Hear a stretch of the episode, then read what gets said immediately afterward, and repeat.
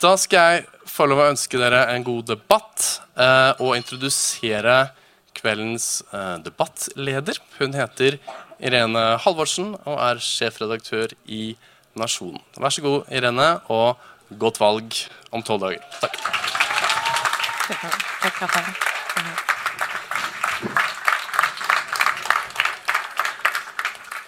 Tusen takk. Det er helt fantastisk å se stinn brakke når eh, vi inviterer til eh, ungdomspartilederdebatt.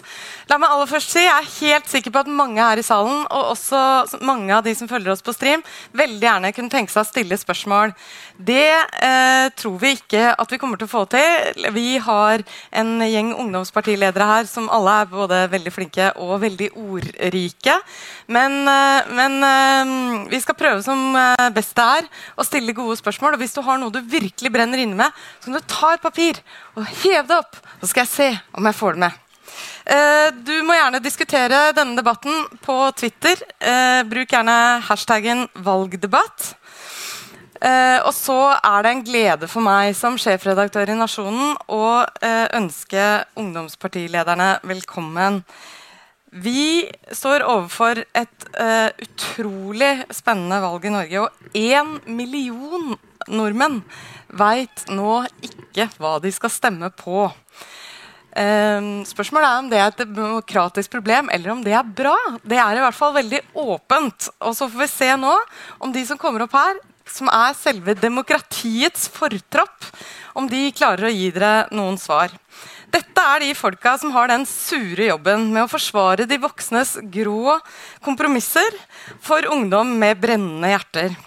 De er kunnskapsrike, de er kompetente, de er kranglete og de er morsomme. Og de er helt sikkert helt forferdelig vanskelig å holde styr på.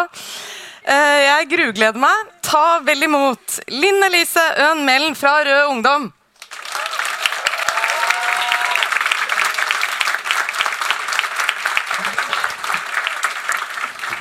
Andrea Sjøvold fra Sosialistisk Ungdom.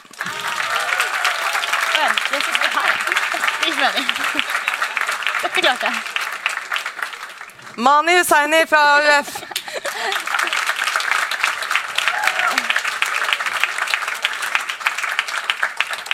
Ada Arnstad fra Senterungdommen.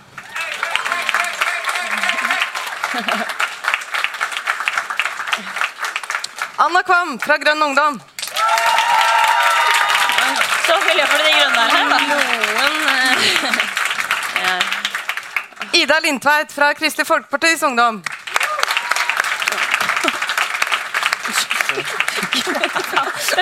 Tor Tustveit fra Unge Venstre. Norges liberale parti. Hedvig Heiral fra Unge Høyre.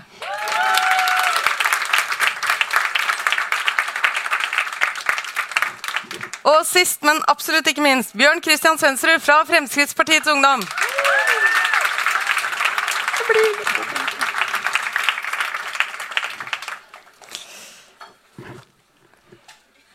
Uh, vi starter som i Bibelen. De siste skal bli de første.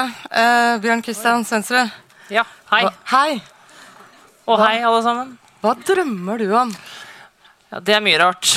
Uh, akkurat nå så drømmer jeg mest om at vi skal fortsette i regjering. Men hvis du tenker på dette med hva jeg drømmer om at vi skal få til i løpet av min levetid, så har jeg lyst til å starte litt i andre enden av skalaen for livet. og det er egentlig hos de eldre. Eh, jeg drømmer egentlig om at de som har bygget landet vårt, får en eh, verdig alderdom. Eh, og for meg så handler det egentlig om at de skal ha muligheten til å velge mer over sitt eget liv. Spise når de vil, legge seg når de vil, drikke et glass vin når de vil. bo på hvilket sykehjem de ønsker, uavhengig om det er privat eller offentlig.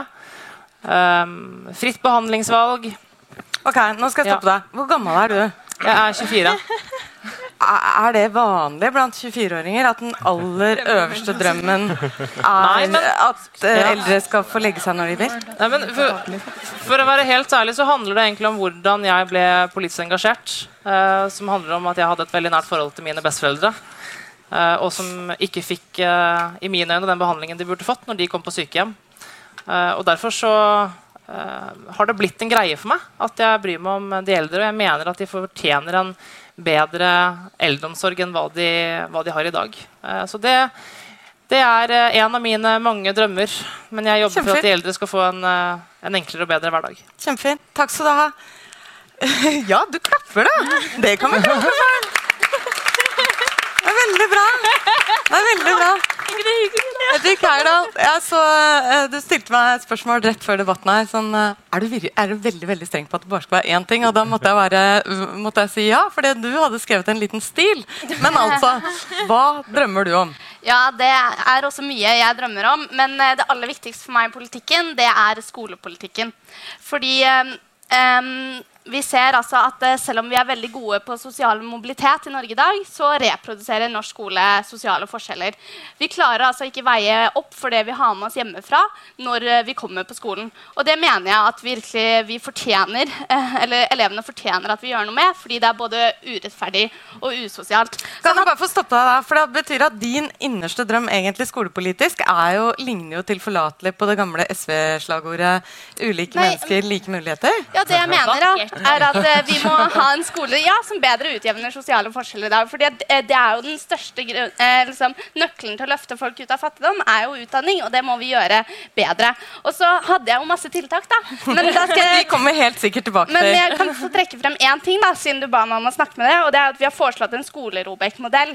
Og det høres kanskje liksom kommunalt og kjedelig ut, men eh, det vi mener da, er at vi skal ha en nasjonal tilsynsordning som fører tilsyn med de skolene som ikke gjør jobben sin godt nok, slik at eh, vi kan ta tak i de kommunene som svikter elevene. Fordi jeg mener det er urettferdig at en kommunegrense kan ha noe å si om du havner på en god skole eller ikke. Så det er det jeg mener vi burde gjøre. Du vil ha en bedre skole. Det er en bra Ja. drøm. Men kanskje, kanskje Robek er litt sånn vanskeligere. Sånn Ja, nasjonal tilsynsordning, ja. Høres mye bedre ut. Tor Tustein, hva drømmer du om?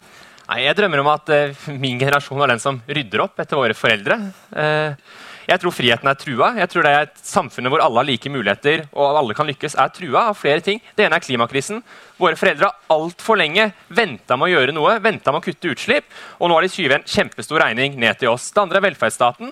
Det at våre politikere i dag ikke tør gjennomføre helt nødvendige reformer, gjør at mine barn, mine barnebarn og jeg kommer til å få dårligere velferdstilbud i framtiden. Så jeg ønsker meg politikere som tør å gjøre de vanskelige grepa, som sikrer at også neste generasjon får det minst like bra som oss. Veldig bra. Det fortjener vel også en klapp? Ja, vi er der nå. Ida Lindtveit, hva er KrFUs eh, drøm? Eller Ja, når, jeg skal, når jeg skal si hva jeg drømmer om, så må jeg egentlig tilbake til 2005. og Da jeg meldte meg inn i KrFU, da var jeg 13 år. Og de som husker tilbake til 2005, så var det også den tiden man gikk rundt med sånne hvite armbånd. Og på de så sto det 'Make poverty history'. Og det var derfor jeg meldte meg inn i KrFU. Fordi det lever millioner av mennesker i ekstrem fattigdom i verden i dag. Vi har greid å redusere det, men fortsatt så er det sånn at 767 millioner mennesker lever i ekstrem fattigdom. Og Ban Ki-moon har sagt at vi er den første generasjonen som kan utrydde verdens fattigdom, og den siste som har mulighet til å stoppe klimaendringene. Og det er min drøm. Det er derfor jeg er engasjert i politikken. Og det er det jeg drømmer om at vi skal få til. Vår generasjon i vår levetid. Jeg får Det var klart for det. Det er ikke så lett å toppe den, eh, Anna Kvam. Nei, jeg eh, stiller til valg i år, eh, og det er litt skummelt. eh, og også litt gøy, men det er fordi at den saken jeg mener er viktigst å kjempe for nå, den haster. I 2017 så har vi funnet mye, mye mer olje enn det vi kan utvinne hvis vi skal ha nubbesjans til å unngå kjipe klimaendringer. Og Likevel så vil de store partiene fortsatt lete etter mer. Det må vi stanse. For det er ikke bare klimafiendtlig å lete etter mer olje nå. Det er også økonomisk risikabelt. Fordi når vi leter etter olje som ikke skal selges før på et tidspunkt hvor verden har satt seg mål om ikke lenger å være avhengig av fossil energi, så gambler vi jo på at verden ikke når de klimamålene som vi har vært med på å signere i Paris. Og, da det er drømmen. uansvarlig. Og da er drømmen. Å være med på å stanse norsk oljeleting i neste stortingsperiode. Veldig bra.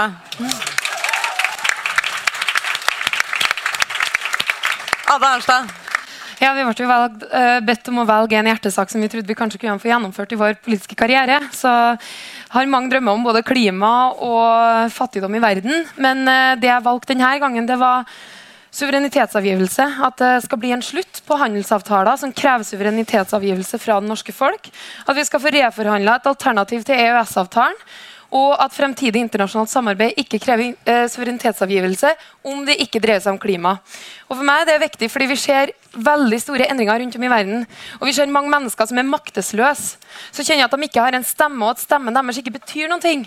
Og Da mener jeg det er feil å flytte ut deler av stemmeseddelen til hver enkelt nordmann eller i andre land. Ut i verden. Vi må gi folk stemmen deres tilbake, og da må vi slutte å gi bort suverenitet.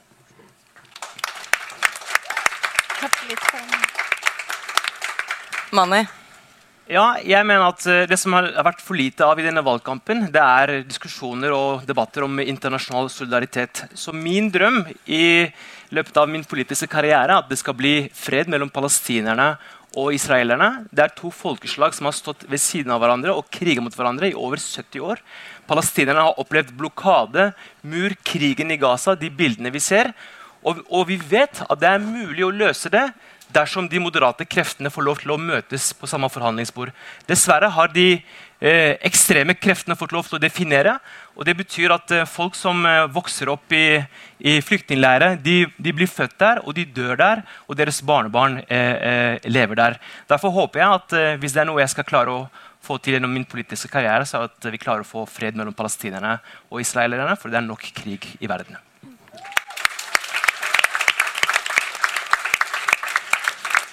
André Sjøvold. Ja, jeg har eh, alltid kjempa for én ting litt, litt, ekstra mye. Eh, en hjertesak som jeg faktisk aldri kommer til å gi meg på før jeg, før jeg får gjennomslag for det. Og det handler om at vi i det minste kan ha en anstendig og barnevennlig asylpolitikk. I dag så kommer det hundrevis av unger helt alene til Norge. Eh, og de får beskjed om at Norge ikke vil ha dem. At når de fyller 18 år, ja, da skal de kastes ut av Norge. 155 barn har forsvunnet fra norske mottak bare i år. Og vi vet fremdeles ikke hvor de er. Så hvis jeg kunne ha gjort bare liksom én ting for de ungene der, så ville det vært å, å gi barnevernet omsorgsansvaret for dem. Fordi dette er noen av de mest sårbare ungene vi har i, i dette landet. her, Og enslige asylsøkende barn ja, de skal få omsorg akkurat på samme måte som alle andre unger som ikke har foreldre i dette landet. her. Fordi barn, det er barn uansett.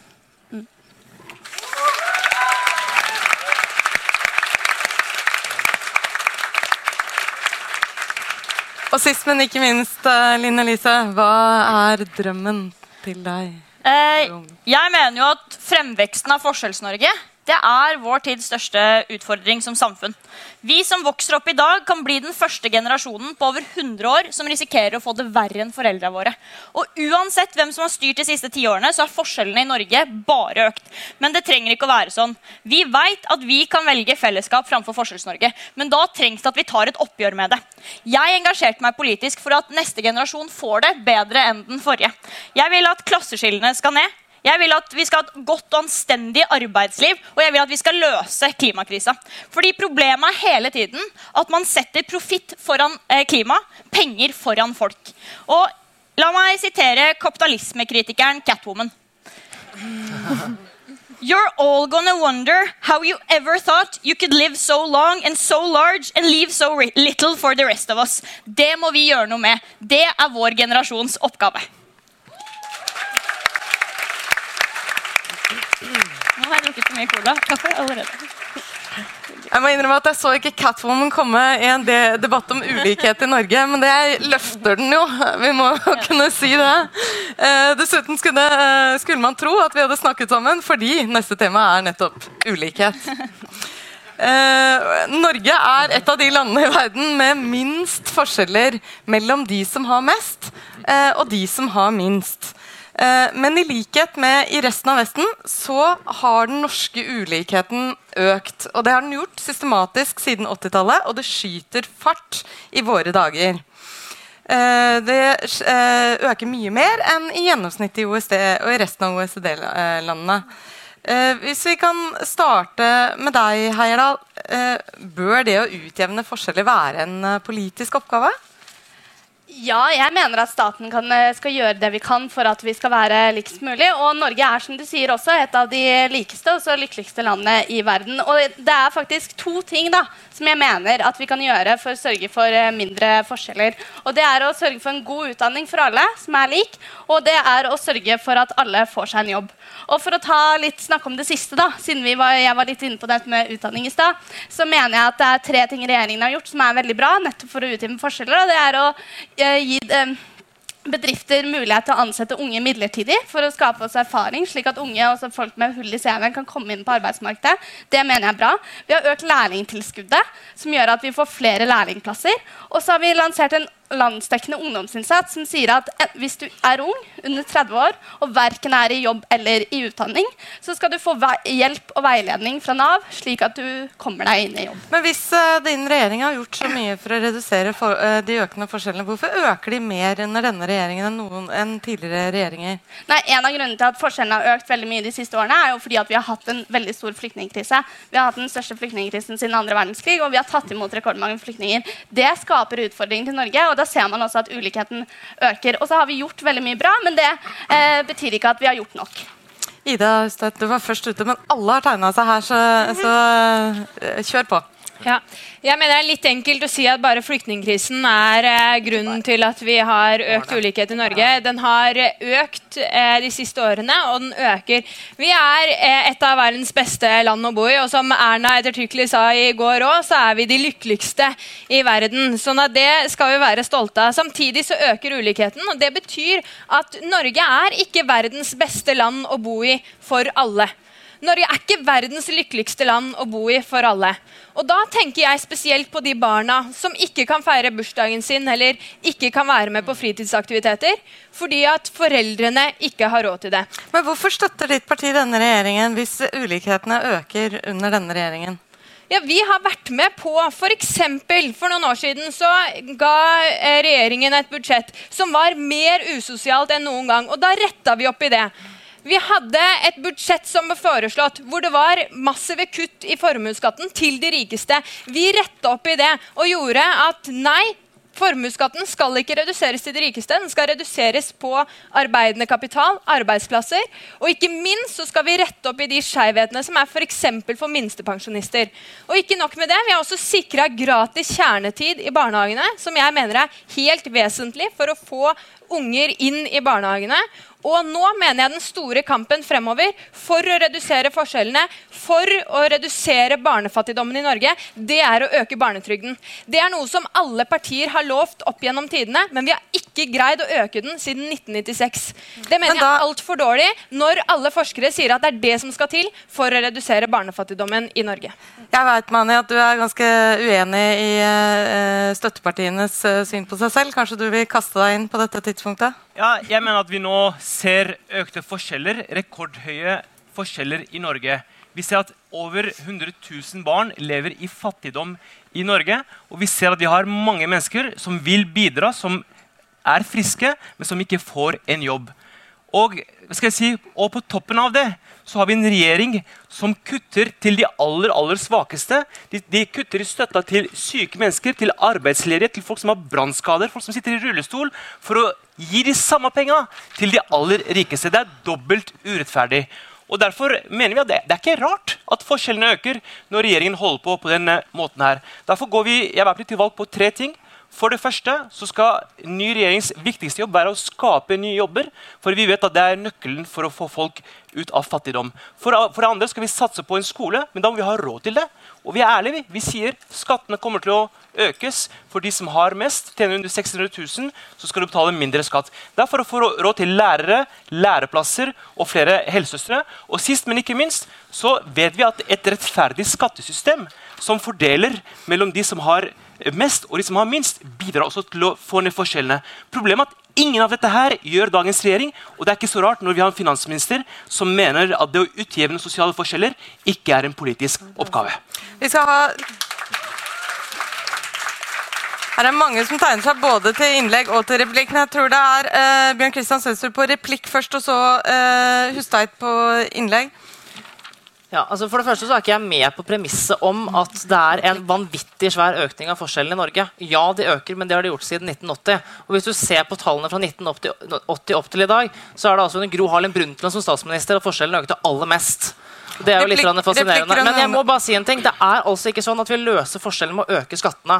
Men dette Det var en replikk. Ja, men jeg må eh, sånn fullføre at, det. Jeg må eh, fullføre. Nei, for da er det et annet Men det viktigste vi kan gjøre, det er altså å, få, å sørge for at det skapes arbeidsplasser i landet. Og det siste norsk arbeidsliv trenger, er flere skatter og avgifter. Grønn ungdom, replikk, så er det huset her. Ja, jeg vil bare skyte inn at Det at forskjellene har økt lenge, det er jo ikke en unnskyldning for å på en måte redusere det problemet vi står overfor i dag, eller gjøre det noe mindre, eller ikke føre politikk i dag som skal redusere forskjellene. Cæsarud. Ja, men vi, vi gjør jo politikk som reduserer forskjellene. Altså, Det er mange som ikke anerkjenner det, da. Men da, da mener du det, og så går ja, det vi mener jeg. Og Ja. det viktigste vi kan gjøre, det er faktisk å sørge for at skattene og avgiftene går videre ned, sånn at det skapes arbeidsplasser i dette landet. Det er det aller, aller viktigste vi kan gjøre. Ja. Det er en utfordring at forskjellene øker. Først og fremst fordi det betyr at flere er fattige, og flere sliter. Hvordan skal man få folk ut av fattigdom? Hvordan skal man klare å løfte ut de svakeste? Jo, da må man en, prioritere de som trenger det mest, og to, sikre at barn kommer i barnehage, sikre tidlig innsats i skolen. Derfor er jeg stolt over at vi i den perioden her har gitt gratis kjernetid i barnehagen til lavinntektsfamilier, og Venstre går til valg på at alle lavinntektsfamilier skal få gratis barnehage. Nettopp så de barna som trenger det mest, får komme inn i skolen. Men så synes jeg det her blir jo fort en skattedebatt.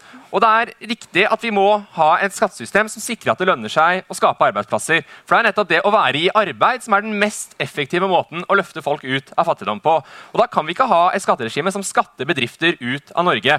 Men så er jeg enig at det å kutte formuesskatten på toppen ikke er det mest effektive. Venstre ønsker en annen modell hvor vi hever bunnfradraget, sånn at vi skjermer gründere og skjermer eh, nystarta bedrifter istedenfor å kutte på toppen. Men til AUF, det er et spørsmål. Dere var jo med på skattereformen. Så dere har også vært med på kutt i formuesskatt, dere har også vært med på kutt i selskap, dere har også vært med på kutt i inntektsskatt. Så hva er det som, hvorfor, er det, hvorfor funker formuesskattkutt når dere er med på det, men ikke det andre? Det må du svare på, Mani. skal jeg svare på? Det skal jeg gledelig svare på, fordi det, det handler om fordeling. Vi er enige, og vi starta det de rød-grønne, da vi satt i regjering, å kutte i selskapsskatten. Fordi Vi mener det skal harmonisere med resten av de landene rundt oss. og det er bra for norsk næringsliv. Hvis man er opptatt av det, så bør man kutte i selskapsskatten, ikke i formuesskatten. Fordi da sier man at alle som har formuer, skaper arbeidsplasser. Det er totalt feil. Vi vet at hvis vi kutter i formuesskatten, så vil vi skape null skattytere i Norge. Og folkens, for folk som for folk som er renholdere, lærere, journalister, folk som betaler en tredjedel av sin inntekt i skatt eh, eh, hvert eneste år, ta og si til dem at du skal betale en tredjedel, mens de rike onklene til Frp Høyre skal betale null kroner i skatt. Det er så urettferdig at det er knapt mulig å tro. og Derfor mener jeg at det er viktig å ha en beskatning også på de aller aller rikeste i Norge. Men det var jo, det var, Hustveit sa Heierdal, replikk, og så må noen andre få slippe til her. Hustveit. Ja, men jeg er helt enig med at Det viktigste er selskapsskatten og det viktigste er inntektsskatten. Men dere var jo også med på å kutte formuesskatten, og det kan du ikke sno deg unna. Og dere, senka, og dere senka verdifastsettelsen av aksjer, som betyr kutt i formuesskatt til de du nå står og Ja, kritiserer oss for. for minstepensjonister. Det er helt riktig. Nei! Heierdal. For selskaper. Du må lære deg skattesystemet. Dette syns jeg blir eh, veldig useriøst av AUF. De var jo, Arbeiderpartiet var med på den skattereformen vi hadde. Og så har vi i tillegg gitt andre skatteletter, som er f.eks. en eh, lavinntekts, eh, gjennomsnittlig lavinntektsfamilie har fått 15 000 i skatteletter. Det er ikke de rikeste. Alle her er enige om at de rikeste skal eh, bidra sin del i skatt. Men så har vi gitt dem skatteletter i tillegg, slik at de kan skape arbeidsplasser her i Norge og ikke flagger ut. Men så har jo også Arbeiderpartiet eller AUF her ingen andre løsninger enn økt skatt. Men Heierdal, nå må jeg få spørre det er feil. Ha, nå må jeg bare få spørre deg, fordi Du sier at eh, regjeringen altså eh, kutter i skattene for at bedriftene skal bli i Norge og skape arbeidsplasser her. Det er jo basert på en tankegang om at eh, rikdommen skal sildre ned fra de øvre lag og nedover. Ikke sant? Det er en trickle down-effekt som, var, eh, som er en kjent teori. Har du noen eksempler fra norsk eller landa rundt oss der det faktisk har funka? Eller, det, poenget vårt er jo at eh, vi har en særnorsk formuesskatt som gjør at eh, som skaper en fordel for eh, de bedriftene som er utenlandske, og ikke de som er norske. Du har f.eks. Farstad Shipping i Ålesund. De sa at de måtte ta opp lån for å kunne betale lønningene sine. og fordi De gikk ikke engang i overskudd, men de valgte altså å bli i Norge fordi at de var glad i den maritime klyngen de hadde på Vestlandet. Men de hadde valget om å dra til London. Det handler ikke om trickle down economics, det handler om common sense. Her. En, Det er faktisk ikke trickle down, er common sense. Det, men det, er, det var ikke noe stor applaus for den. Eh, vi, må, vi, må, gi noen flere replikker, og så er det flere som skal bringes inn. Eh, eh, Elise? Ja, når vi snakker om overskudd, for det var det du snakket om, Selskapsskatten er jo nettopp det. Det er jo skatt på bedriftenes overskudd, i motsetning til formuesskatten. Det er derfor jeg syns det er en dårlig idé å kutte selskapsskatten, men vi vil øke den tilbake igjen til 27% sånn som det var før eh, skatteforliket. Fordi problemet er at det skaper ikke nødvendigvis noen flere arbeidsplasser å drive og kutte i skattene. Det er ikke det eneste som er fornuftig. Og så tok KrF inn her nå eh, at de mener de skal fjerne skatt på arbeidende kapital. La meg si det eh, sånn som det ble sagt med Erna Solberg sine ord i 2013. Vi mener det betyr mer byråkrati og ikke spesielt klare grenser. Dette er det, eh, dette er det kutting av skatt på arbeidende kapital er ifølge statsministeren vår. Hvis det betyr at det er en så dårlig idé, så tror jeg kanskje vi for en gangs skyld skal høre på Erna Solberg når det kommer til skattepolitikken. og så skal vi ikke gjøre det. Fordi jeg tror vi trenger en omfordeling i politikken. Det er jo nettopp det som er poenget.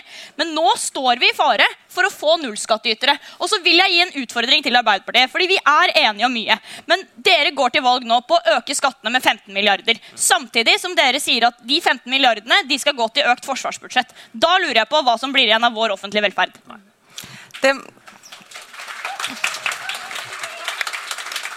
Da, den utfordringen må jeg notere meg, men da drar du oss langt inn i forsvarsbudsjettet. og Det er ikke der vi er akkurat nå, så nå tror jeg vi skal få fortsette litt på ulikhet. og Der er det eh, først eh, Svensrud, eh, og så er hele raden her faktisk. Replikk, Svensrud. Det, har jeg replikk, ikke innlegg? Jeg vil du ha innlegg til det, så må vi gå på replikken først. Jeg, jeg, jeg bare får, jeg. Veldig faktisk bra. Nei, men da kjører vi en replikk. Først skal du få ordet. Ja. Eh, KrFU ja, altså, fordi Man blir utfordra direkte, så jeg vil gjerne ha replikk på det Linn Elise sier. For det første, jo, redusere selskapsskatten var viktig fordi selskapsskatten i Norge var høyere enn det det var i andre land. Det vil si at norske bedrifter hadde en ulempe på konkurransemarkedet. Derfor var det viktig, når alle landene rundt oss reduserte selskapsskatten, at vi òg gjorde det for å bedre de norske konkurransevilkårene. Og så vil jeg også si noe om skatteforliket. Men det Der gikk man inn på at man skulle redusere skatten på arbeidende kapital. Det var Arbeiderpartiet med på. Nå har vi fått den todelingen. KrF ønsker ikke å fjerne formuesskatten, men KrF ønsker å redusere formuesskatten på arbeidende kapital. Sånn som traktorer, sånn som fiskevær, fordi det er det som skaper arbeidsplasser. Formuesskatten for de aller rikeste den kan være der, fordi de aller rikeste må bidra. Og vi kan ikke ha nullskattytere i Norge. Der er vi alle helt enige, så der kan vi legge den debatten død. Men det er, jo, det er jo helt irrelevant hva man vil, når det er det som er konsekvensene. Anna, Grønn Ungdom. Ja, fordi nå, nå, sa jo KrFU her igjen at den typen skattekutt er det, er det som skaper arbeidsplasser. Og Det som, som, plager meg litt med en del av den retorikken som, som høyresida fører eh, rundt eh, skattepolitikk og arbeidsplasser, er at det ofte høres ut som at hva slags type skattesystem er nærmest det eneste som er med på å påvirke hvor mange jobber det skapes i dette landet. her. Det som gjør det lett å skape jobber i Norge, og det som også gjør det ganske lett å tjene seg rik i Norge, det er at vi har ganske små forskjeller og en sammenpresset lønnsstruktur og et godt utdanningssystem. De tingene er også med på å påvirke. Den delen av politikken er også med på å påvirke. Og den delen av politikken er også avhengig av at man fører en skattepolitikk som fordeler. Og Derfor går vi også imot å kutte mer av formuesskatten på toppen. Fordi at da får vi en effekt som gjør at vi omfordeler mye mindre. Og det vil kanskje i neste omgang faktisk gjøre det vanskeligere å tjene penger og tjene seg rik i Norge. Og det burde høyresida også ta med seg i beregningen av og til. Ikke late som at skattepolitikken er det eneste som påvirker jobbskapinga. Men det tror jeg kanskje ikke de gjør, og det tror jeg Svensrud har lyst til å svare på nå. Så skal vi gå hit. Ja, og det, er, og det, er, ikke sånn at Skattesystemet er det eneste, men det er et av de mest virkningsfulle virkemidlene vi har for å, for å sørge for at bedrifter har muligheten til å skape nye arbeidsplasser. Og det som på mange måter er Paradokset når vi snakker om arbeidsplasser, er jo at vi sier vi skal skape. Altså Det finnes ikke en regjering som skaper nye arbeidsplasser. Det er det folka der ute som gjør. Og Da er det viktig at de har rammene som skal til for å skape de arbeidsplassene. Og så er det jo sånn at Noe av det farligste vi kan gjøre for arbeidslivet i Norge, det er jo å skru ned oljekrana. Altså Det er 250 000 mennesker jeg regna med den, Anna. Ja, det, er altså 250, det er 250 000 mennesker som jobber i oljerelatert sektor. Og vi, vi skal vet, komme tilbake til oljesektoren ja, og klima. Men vi kommer tilbake men, til oljesektoren og klima. Vi skal gjøre oss ferdig med ulikhet. Hvis dere sporer av gårde til Forsvaret og olje, så, så får vi ikke landa ulikhet. Da kan jeg holde meg innenfor ulikhet. For det er altså sånn at Hvis du ser på Finansdepartementet sine tall, da, på skatteopplegget til Arbeiderpartiet, så ser man at det er 36 000 flere trygdede som vil få økt skatt. Og du, og du ser også at det er 200 000 pensjonister som får økt skatt. Det er i hvert fall ikke med på å redusere forskjellene. En liten klapp der vi gir plass til den. Uh, den vil jeg tro at da vil svare på etter hvert, men nå skal vi først til Andrea. Takk. Eh, jeg tror viktig her, Hvis vi skal bruke skattesystemet for å minske forskjellene mellom folk, så må det faktisk brukes omfordelende. Fordi det her handler jo om at vi har en regjering som syns det er helt greit at forskjellene mellom makt og rikdom øker mellom folk. Det handler om at, eh, sannheten bak det her er at noen er nødt til å betale for den skattefesten som regjeringa har arrangert for eliten i Norge de siste fire årene. Og eh, det, De som har betalt for det, er jo de uføre som har nå mista barnetillegget sitt. Det er de eldre med lave pensjoner som hvert år opplever at sine pensjoner blir mindre og mindre verdt. Det er de som tidligere fikk gratis fysioterapi, som var lamme, som var amputerte, som var brannskadde, som var kreftsyke. Det er de som betaler for det her. For Vi kan snakke om skatt hit og dit og opp og ned, men det her handler ikke om tall og statistikk. Det her handler om virkelige folk og deres vanskelige hverdag. Og så har vi en regjering som systematisk prioriterer de på toppen. Og det syns jeg er så skamløst egoistisk. da, At forskjellene øker. Når de øker, så er det de som er mest som, eh, som i det norske samfunnet, som stadig ber om mer og mer og mer. Og de får det av regjeringa. Og nå må det her maset fra de som har mest, det må faktisk ta slutt. Og vi er nødt til å få en regjering som vil gi de som har minst, mest, og skape en velferd for folk flest.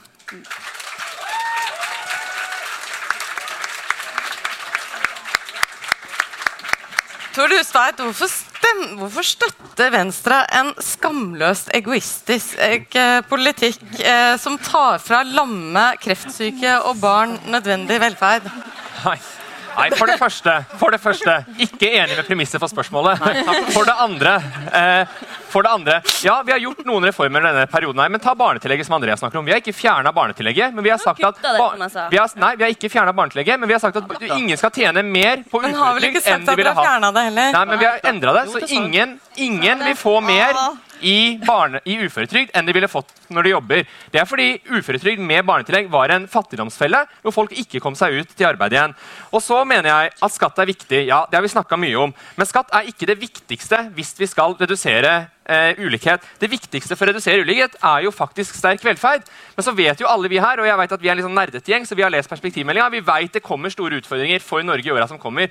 Og Derfor mener jeg at dere som er opptatt av å redusere ulikhet, skal ikke bare se på hva de lover, men de populære tinga vi lover, men også er det noen partier her som tør å gå til valg på vanskelige reformer. Vi har gjort en del reformer den perioden. her, F.eks. en høyere utdanningsreform, kommunereform, politireform. og så er mange, Der, spretter replikkene opp. Men det her handler jo nettopp om at skal vi sikre like god velferd i fremtida, så må vi gjøre reformer så vi kan få gjøre mer med mindre. Og det sier også perspektivmeldinga er det viktigste hvis vi skal sikre velferd også fremover. Og velferd og et sterkt sikkerhetsnett er det viktigste for å redusere forskjeller.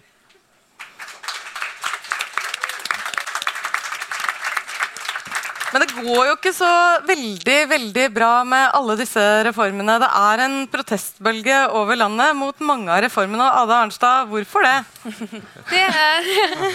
Takk for at du fikk ordet på den. Det, var, det passa bra. Eh, det jeg må si, det her handler jo om ulikhet, det òg. Skal det være sånn at vi har et A- og B-lag for de grunnleggende tjenestene for tryggheten vår? Politi, lensmannskontor, lokalsykehus. Der Hvis du er i en storby, så har du de tjenestene nært deg. Hvis du ikke er det, så har du det ikke tilgjengelig. Det er eksempel rundt om i hele Norge på at politiet ikke kommer når det er innbrudd, og foreldre må finne fram brekkjernet når innbruddstyven står og banker på. Det er oppdrettsbedrifter i Nordland som har anmeldt politiet fordi de bruker to dager på å komme og undersøke innbrudd.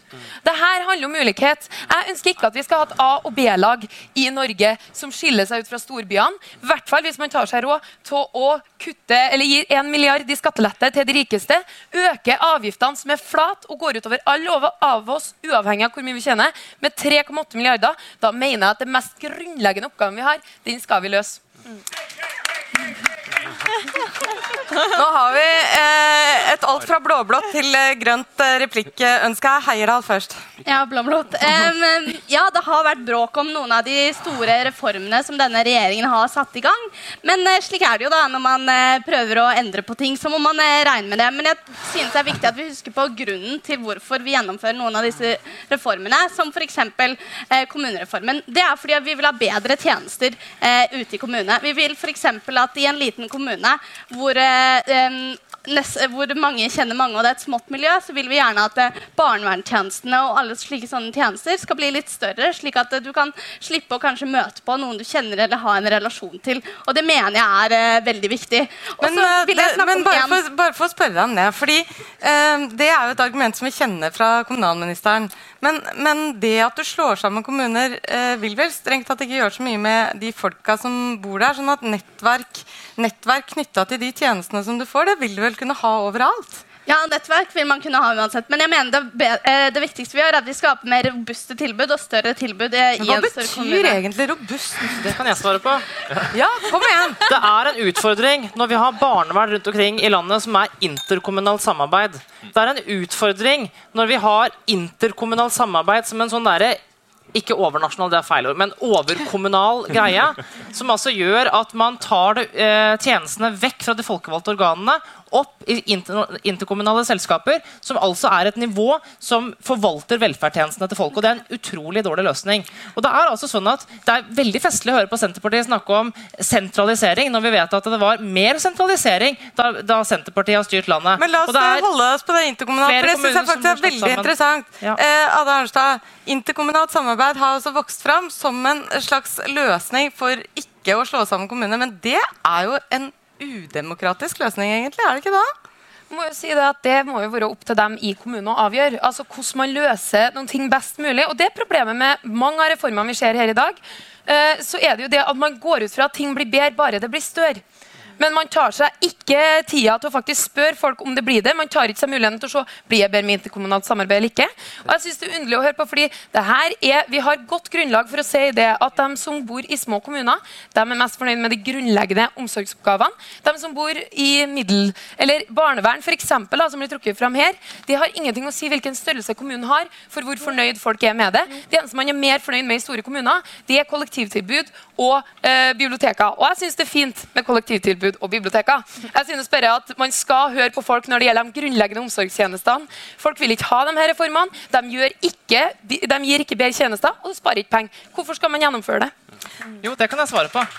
Ja, det er mange som har lyst til å svare på det, men det er ikke din tur akkurat nå. Hustveit. Ja, jeg synes Det er litt rart at Ada åpna med å si at hun var mot overnasjonalt samarbeid, men hun har et eh, varmt forsvar av overkommunalt samarbeid. Du ser bare det at bare Fremveksten av det interkommunale samarbeidet er et tydelig tegn på at kommunestrukturen i dag er foreldra. Og det ene går på at man får stadig flere eldre i mange av distriktskommunene. Man får stadig større behov for nye tjenester. og Det, er- det er den ene delen. Men det andre er altså at det kommer en rekke muligheter vi kan gripe i helseteknologi, for eksempel, som de små kommunene ikke har store nok fagmiljøer til å ha.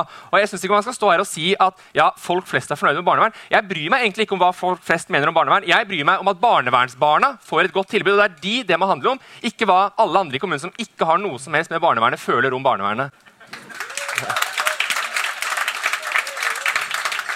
Og det som er vidunderlig for en Nasjonen-redaktør, er at diskusjonen om ulikhet svopp, forsvant ut i Distrikts-Norge. Og det er så deilig. Men kan jeg fullføre det jeg begynte på? Heiland. Ja, tusen takk. Eh, eh, interkommunalt samarbeid det oppstår jo bare fordi kommunene har behov for hjelp. Og da er det jo helt åpenbart en grunn til at vi trenger større og bedre tjenester. Og så vil jeg fullføre det jeg begynte på i stad. For jeg vil nevne én reform som nesten ikke har vært noe bråk om. da. Og det er den reformen som Tord så vidt nevnte i stad, på høyere utdanning. Det vi har gjort, er at vi har satt i gang et arbeid som sørger for bedre eh, og sterkere fagmiljøer rundt omkring på de høyere, eh, eh, høyere utdanningsinstitusjonene i Norge i dag. Og grunnen til at det nesten ikke har vært noen diskusjon om det, er jo fordi at det har vært enighet om det. Men ikke det vidunderlig? Hadde ikke det vært en ganske bra eh, eh, ledetråd da for andre jo, reformer? at At vi kan, at vi kan lage en reform som folk faktisk syns er god, og som har en bra målsetting, og, og folk Jo, jo, kjenner det at det jo liksom eh, ramler på plass. Da. så er jeg bare glad, jeg. Nettopp. Svensrud, og så skal vi inn i midten her. Jeg vil litt tilbake igjen til barnevernet når vi først er inne på distriktspolitikk. Fordi det det handler om, er at når du bor i en kommune med 500 til 1000 innbyggere, så har ikke kommunen nødvendigvis råd til å ha så veldig mange ansatt i barnevernet fordi at det er en liten kommune. Og barnevernet, altså, Hva er det folkedebatten om barnevernet handler om? Jo, det handler om at eh, man skal ta barna vekk fra foreldrene sine. Og grunnen til at det ofte skjer i enkelte sammenhenger, særlig da i små kommuner, er fordi at barnevernet ikke har hatt ressurser nok til å drive med forebygging. Altså Du kommer inn i etterkant i stedet for i forebygging. Og da, for å ta et eksempel, Jeg ser på min egen kommune, Horten, hvor jeg er fra. Så har vi noe vi kaller for Hortensmodellen. Veldig innovativt. Men det handler om å altså sette barnet i sentrum, og så har du ulike tjenester som går rundt barnet. Og Det handler også om eh, familiekontorene, for eksempel. Kjempeviktige. Men det er klart at du er nødt til å ha ressursene som grunnlag for å få til de tjenestene når du skal ha barn i sentrum. ressursene rundt. Og Da kan du ikke ha én ansatt hos Filada si jo, men alt vil bare bli bedre hvis vi bare øker kommunebudsjettene. Men det er altså sånn at denne regjeringen har sørget for tidenes eh, resultater for kommunene der ute. Det har aldri vært så gode resultater i kommunene på 20 år. Så det går ganske bra med norske kommuner. Men det er altså sånn at noen steder så må du ha større, robuste kommuner for å skape robuste tjenester til eh, befolkningen. Det er noe med det ordet 'robust' som ikke utløser den applausen som jeg tror du av deg. Vi, må, vi må jobbe litt med det ordet. Men dette opplever jeg var en tydelig utfordring til eh, Arbeiderpartiet og Senterpartiet. sånn at eh, Nå var ty først til Ada knytta til eh, robusthet og barnevern, og så skal Mani Ja, jeg mener at Kommunene må ha mer frie midler hvis de skal gjøre jobben. Eh, og da hjelper det ikke at man øker budsjettene. Og, ja. Jeg skal la den ligge, for du sa jo som at jeg kom til å nevne det. Så jeg går heller på det med barnevern. Fordi Hvis det her var en reform for å sørge for at vi skal få bedre barnevern i Norge, hvilket alle av oss er enige om, ja, da burde du tatt utgangspunkt i hvilke kommuner er det som ikke gjør det bra på barnevern. Du burde begynt der, og så burde du se én løsning på det og slå sammen kommunene. Det har man ikke gjort. I denne reformen så har fasiten allerede blitt sagt. Hvis det blir større, så blir det bedre. Og så ser vi at på mange av de grunnleggende omsorgstjenestene, altså det meste av det kommunen gjør, der leverer små kommuner gode tjenester til innbyggerne sine. Men vi skal hoppe over det, vi skal la det gå for å slå sammen uten at vi vet at det løser problem med barnevern eller andre tjenester. Mani. Ja, takk for det. Altså, jeg mener jo at uh, denne regjeringen har økt forskjellene mellom de som har minst og de som har mest, men også økt forskjellene mellom bygda og byene. Hvor de kutter, til, det, til- uh, hvor de kutter i bevilgningene til de minste kommunene for å gi det til de aller aller rikeste. Og La meg nevne en eh, reform da, som eh, de også har, har innført med knappest mulig flertall. denne her firekløveren her. Det er regionreformen. Jeg kommer fra Akershus, jeg kommer fra Jessheim. Viken, folkens. Vi skal bli en del av Viken. Og la meg bare si det sånn, da. Folk i Akershus vil ta toget inn til Oslo. Folk i Akershus, Ungdom i Akershus vil gå på skole i Oslo. Men nei da. Vi skal ha en region bestående av Østfold og Buskerud. Altså, sorry ass, men jeg, jeg vil ikke ta toget til Hallingdal eller Trøgstad. Det, liksom, det, er det, er ikke, det er ikke der behovet ligger. Folk vil inn til byen, og derfor, derfor må vi ha en regionreform som faktisk fanger opp. Ikke en regionreform laget på, på bakrommet. Om regions... Eller om reformer. Bare en kort replikk til det siste. Nå er Hustveit, og så få svare på det. Så dere er en hel lang rekke. Må KrF svare om regionreformen? Må de du virkelig snakke om regionreformen? Av alle tingene vi skal gjøre i dag? Fordi, kan jeg bare si det, en kort replikk til det. Mani sa? Fordi Han snakker om Oslo. og Jeg skulle gjerne hatt Oslo inn i den regionreformen. At det var Oslo, Akershus, Østfold f.eks.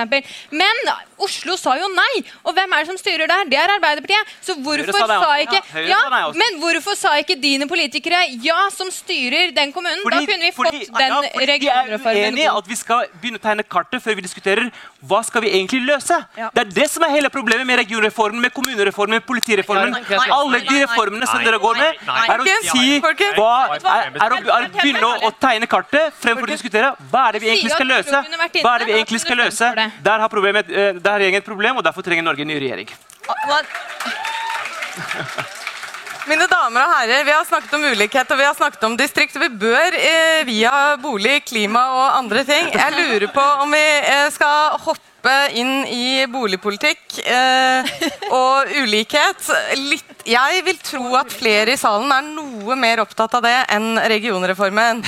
Eh, så la oss dere bare ta eh, skru om hjernene nå. De av dere som ble veldig lei, oss, lei seg for at vi ikke fikk liksom, dykket litt mer ned i regionreformen.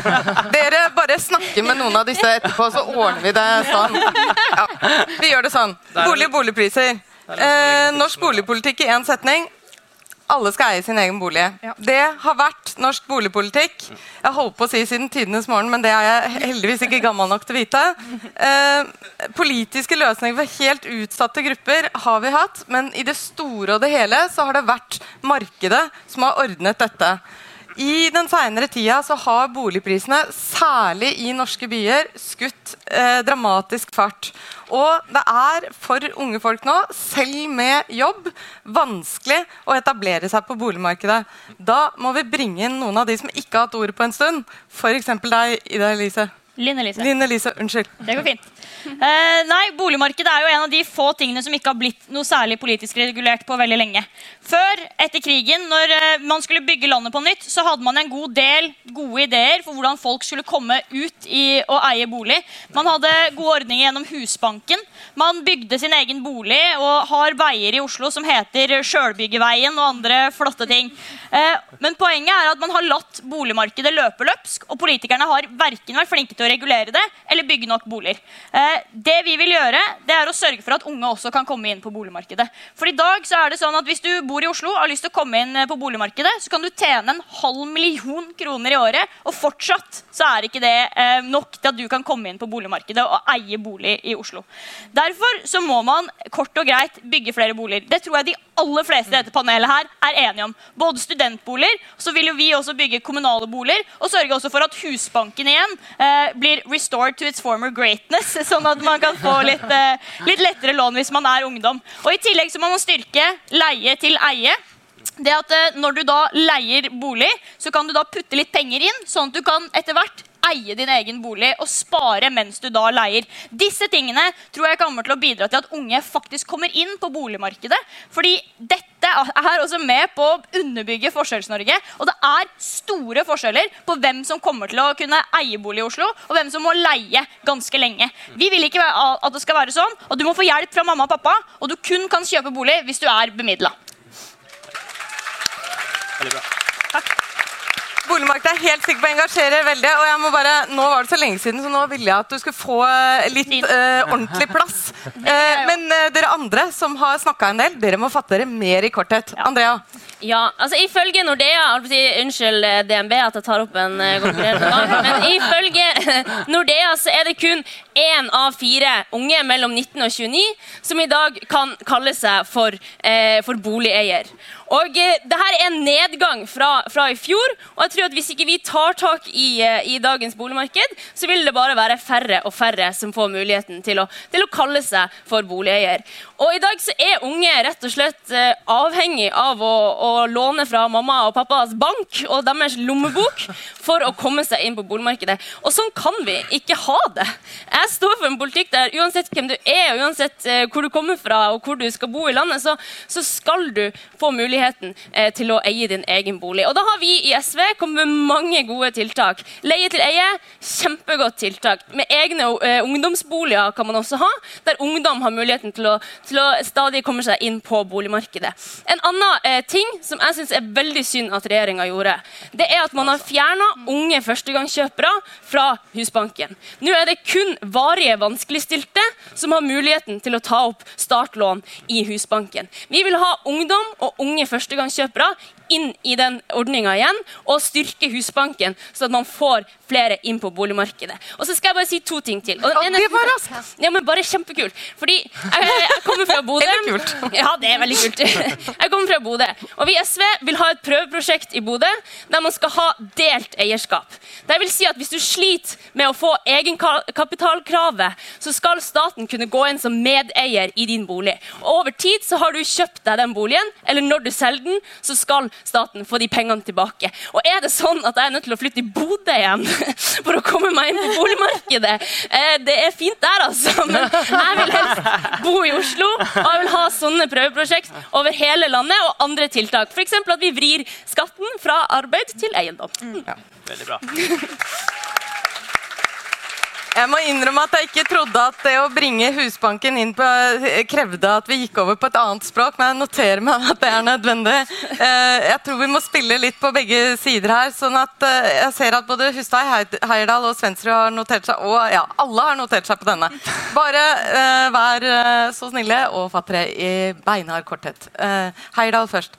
Ja, eh, helt enig. Vi må bygge mer, og vi må bygge raskere. Derfor har regjeringen bl.a. Eh, forenklet byråkratiet og eh, mange av disse reglene som gjør at eh, vi kan bygge nå små boliger i sentrum eh, billigere enn før. Obo sier at de kan bygge boliger nå for 400 000 eh, billigere, og det gjør at boligbyggingen skytes fart i. Men Da må jeg bare få bryte av, fordi jeg fikk en lapp fra siden her som handler akkurat om det.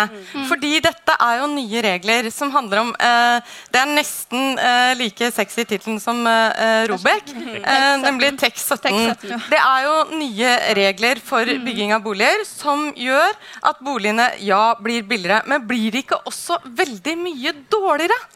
Eh, ja, men vi tenker at eh, Nei, nei, vi gjør ikke det. Eh, Hvorfor vi skal ungdommer bo i dårlige Nei, boliger, da? det mener jeg ikke. Men Vi har innført TEK 17-dataen for å redusere noen av kravene som gjør at det blir billigere og du kan bygge, eh, bygge bolig lettere. For eksempel så finnes det, det er forskjell på om du skal bo en kort periode i sentrum som ung student, da, enn om du skal etablere deg og bygge lenger. Så da mener vi at kravene kan være forskjellige. Men her da, betyr det at vi skal ha billige, dårlige boliger i sentrum? Og gode, dyre boliger utafor? Nei, det gjør ikke det. Men jeg mener for at jeg som er student, da, trenger ikke å ha de samme kravene som eh, til utsikt og til eh, liksom, um, alt mulig sånn som man stiller til andre typer boliger man, eh, man bygger når man skal bo der en periode og ikke for resten av livet sitt. Men jeg mener absolutt vi skal jo ha gode og fine boliger i sentrum også. Svenser og så Anna Takk. Altså, hva betyr det da at det er, på en måte, at det er lavere krav? Hva, hva er det det egentlig betyr? Altså, jeg bor altså i en bygård fra hva blir det? Eh, 1916. blir det. Ja. Og så vil vi pusse opp den leiligheten, og man da graver bakover i veggene, der, sånn, så ser du at det er mye rart på veggene.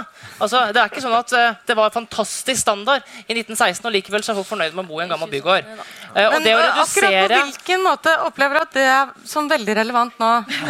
Jeg opplever at det er relevant fordi at eh, eh, ordstyret sa at vi skulle ha så ekstremt mye dårligere standard. Det skal vi altså ikke ha. Det er ikke sånn at Ved å redusere kravene så kommer vi til å havne tilbake 100 år i tid i standard. Men, Men det å hvor mange år da? Det ble jo et håpløst spørsmål. Det det, det egentlig handler om, er hvordan vi kan få billige boliger for unge mennesker. Og da handler det også om små boliger. F.eks. 25 kvadrat kan være en veldig fin størrelse for én person. Men det er jo lov i dag òg, helt utenom tekstsonen å bygge 25 kvadrat. men så må du eksempel ha universell utforming på også veldig små boliger. Jeg er for universell utforming, men kanskje ikke på de aller minste leilighetene, fordi det skaper utfordringer for boligprisene. Så er det sånn at boligprisen er redusert med 400 000 kroner i, i, i byggekostnadene. Og det mener jeg er veldig positivt. Men den store, store elefanten i rommet når vi snakker om boligpolitikk og boligbygging, er skattepolitikken. Fordi at alle her er enige om at vi må bygge flere boliger, at det må gå raskere. Så er vi litt uenige om virkemiddelbruken, men der er vi enige. Der vi derimot ikke er enige, er i hvilken grad vi skal endre det skattesystemet som i dag er lagt opp sånn at det er så lønnsomt å eie mange boliger og investere i bolig fremfor f.eks. arbeidsplasser, at det er det de store investorene spekulerer i. Det er med på å drive prisen opp. Det er med på å, å gjøre det vanskeligere å komme inn, og det er også med på å øke presset i leiemarkedet. For det er flere som kanskje kunne eid hvis det var litt lavere priser, blir dytta nedover i leiemarkedet. Men nå har jo regjeringen faktisk eh, gjort noe knyttet til eh, investeringer i bolig. ikke sant? Sånn at du ikke lenger kan eie fem boliger, men bare tre. Det er blitt sånn. litt, det er blitt litt, Mm. skryt. Litt skryt. Du skal få. Vær så god. Eh, det er blitt litt dyrere å eie en bolig, en bolig nummer to enn det var. Men, men det er fortsatt mye mye mer gunstig for veldig mange å eie mange boliger istedenfor å investere i andre ting. Og vi kan ikke nøye oss med bare å, å, å redusere litt på gjeldsgraden man beregner på når man eier bolig nummer to. Man må gjøre det rett og slett dyrere å eie flere boliger. Og man må også og kanskje begynne å trappe steder. rentefradraget. Og det vil Arbeiderpartiet og Høyre som styringspartier være med på å svare på om de vil. For dette her er i ferd med å utvikle seg til et klasseskille mellom generasjoner. Da tar vi Ok, Direkte spørsmål til Ap og Høyre. Ja eller nei? Vil dere redusere rentefradraget? Mani? Vi, vi, vi går til valg på å øke ligningsverdien på sekundærbolig. Fordi. Det mener jeg er viktig å gjøre. Fordi jeg er helt enig i at Det som er problemet i dag i Oslo, det er det er altfor mange som spekulerer i bolig. Og, og, øh, Men du vil ikke redusere rentefradraget? Nei, det er ikke, Ja nei? det er ikke vår politikk. Fordi nei, jeg mener, nei. Det jeg mener det ikke nødvendigvis er greit fungerer, men å øke ligningsverdien på sekundærbolig gjør at det blir dyrere for spekulantene å eie flere boliger. Og på den måten kan vi også frigjøre flere boliger til ungdom. Det var, Jeg kan svare det var et direkte spørsmål til Heidal også. Jeg kan svare enkelt. Ja, vi vil redusere rentefradraget. Husk at jeg vet at Det, det fortjener jo en klapp. Altså, Heidal kom med en veldig bra ting her nå. altså. Ja. Eh, dere vil redusere rentefradraget. Hvor mye da? Ja, ja. Du kan snakke. Nei, Høyre, Jeg tror Høyre skal få svare for Høyre. Skal Hustveit få svare for Venstre. Vi tar det sånn en liten stund til. Nei, det har jeg ikke tall på her ennå. Dere har ikke tall på det nå. Hustveit, eh, Venstre er jo helt enig i det, at det skal være mer gunstig å investere i eh, arbeidsplasser enn i eh, gammel murstein. Ja, jeg synes det er veldig rart at Hvis jeg starter en bedrift, så må jeg betale full verdsettelse på aksjene. Men hvis jeg kjøper en bolig, så får jeg ganske mye lavere eh, beskatning. Men og jeg tror det er viktig å påpeke, for det kommer ikke så ofte fram, det er ikke noe man skryter av, men vi har faktisk gjort en del på det den perioden her. Vi har økt formuesskatten på bolig nummer to ganske kraftig. Så nå koster det mye mer å ha bolig nummer to enn før. Og en del av skatten, man, det er litt sånn teknisk da, men når man senker når man senker eh, inntektsskatten i, som en del av skattereformen, så senker man også rentefradraget. Så vi har gjort rentefradraget mindre gunstig nå enn det det var tidligere. Så vi har faktisk gjort en del den perioden her som gjør det mindre lønnsomt å investere i bolig, som gjør at de som er inne på boligmarkedet, taper, og som gjør at vi unge vinner fordi vi får lavere skatt når vi jobber, som gjør at det blir kortere vei inn på boligmarkedet. Kan jeg bare få spørre deg også, Hva synes du om eh, forslaget fra eh, Linn Elise og eh, RV om leie til eie? Jeg syns det er, kan være et godt forslag. og Arbeiderpartiet. Ja. Og en hel rekke gode folk her. Nei, jeg synes det kan være et godt forslag, men det mener noe kommunene må stå for. Det er ikke et statlig, det er ikke noe staten skal gjøre, men noe kommunene kan gjøre. Fordi det er forskjell på Oslo og Eidsvoll, der jeg er fra. Eh, og I Oslo er det en veldig høy boligpris, Eidsvoll er det lavere boligpris. Kanskje er det riktig da for Oslo å ha et leie-til-eie-program. Jeg tror ikke det hadde vært riktig for andre steder hvor det er lavere boligpris. Ok, I, Bra for Oslo. Kanskje vi fortjener en klapp? Jeg, jeg, bare, jeg tror det.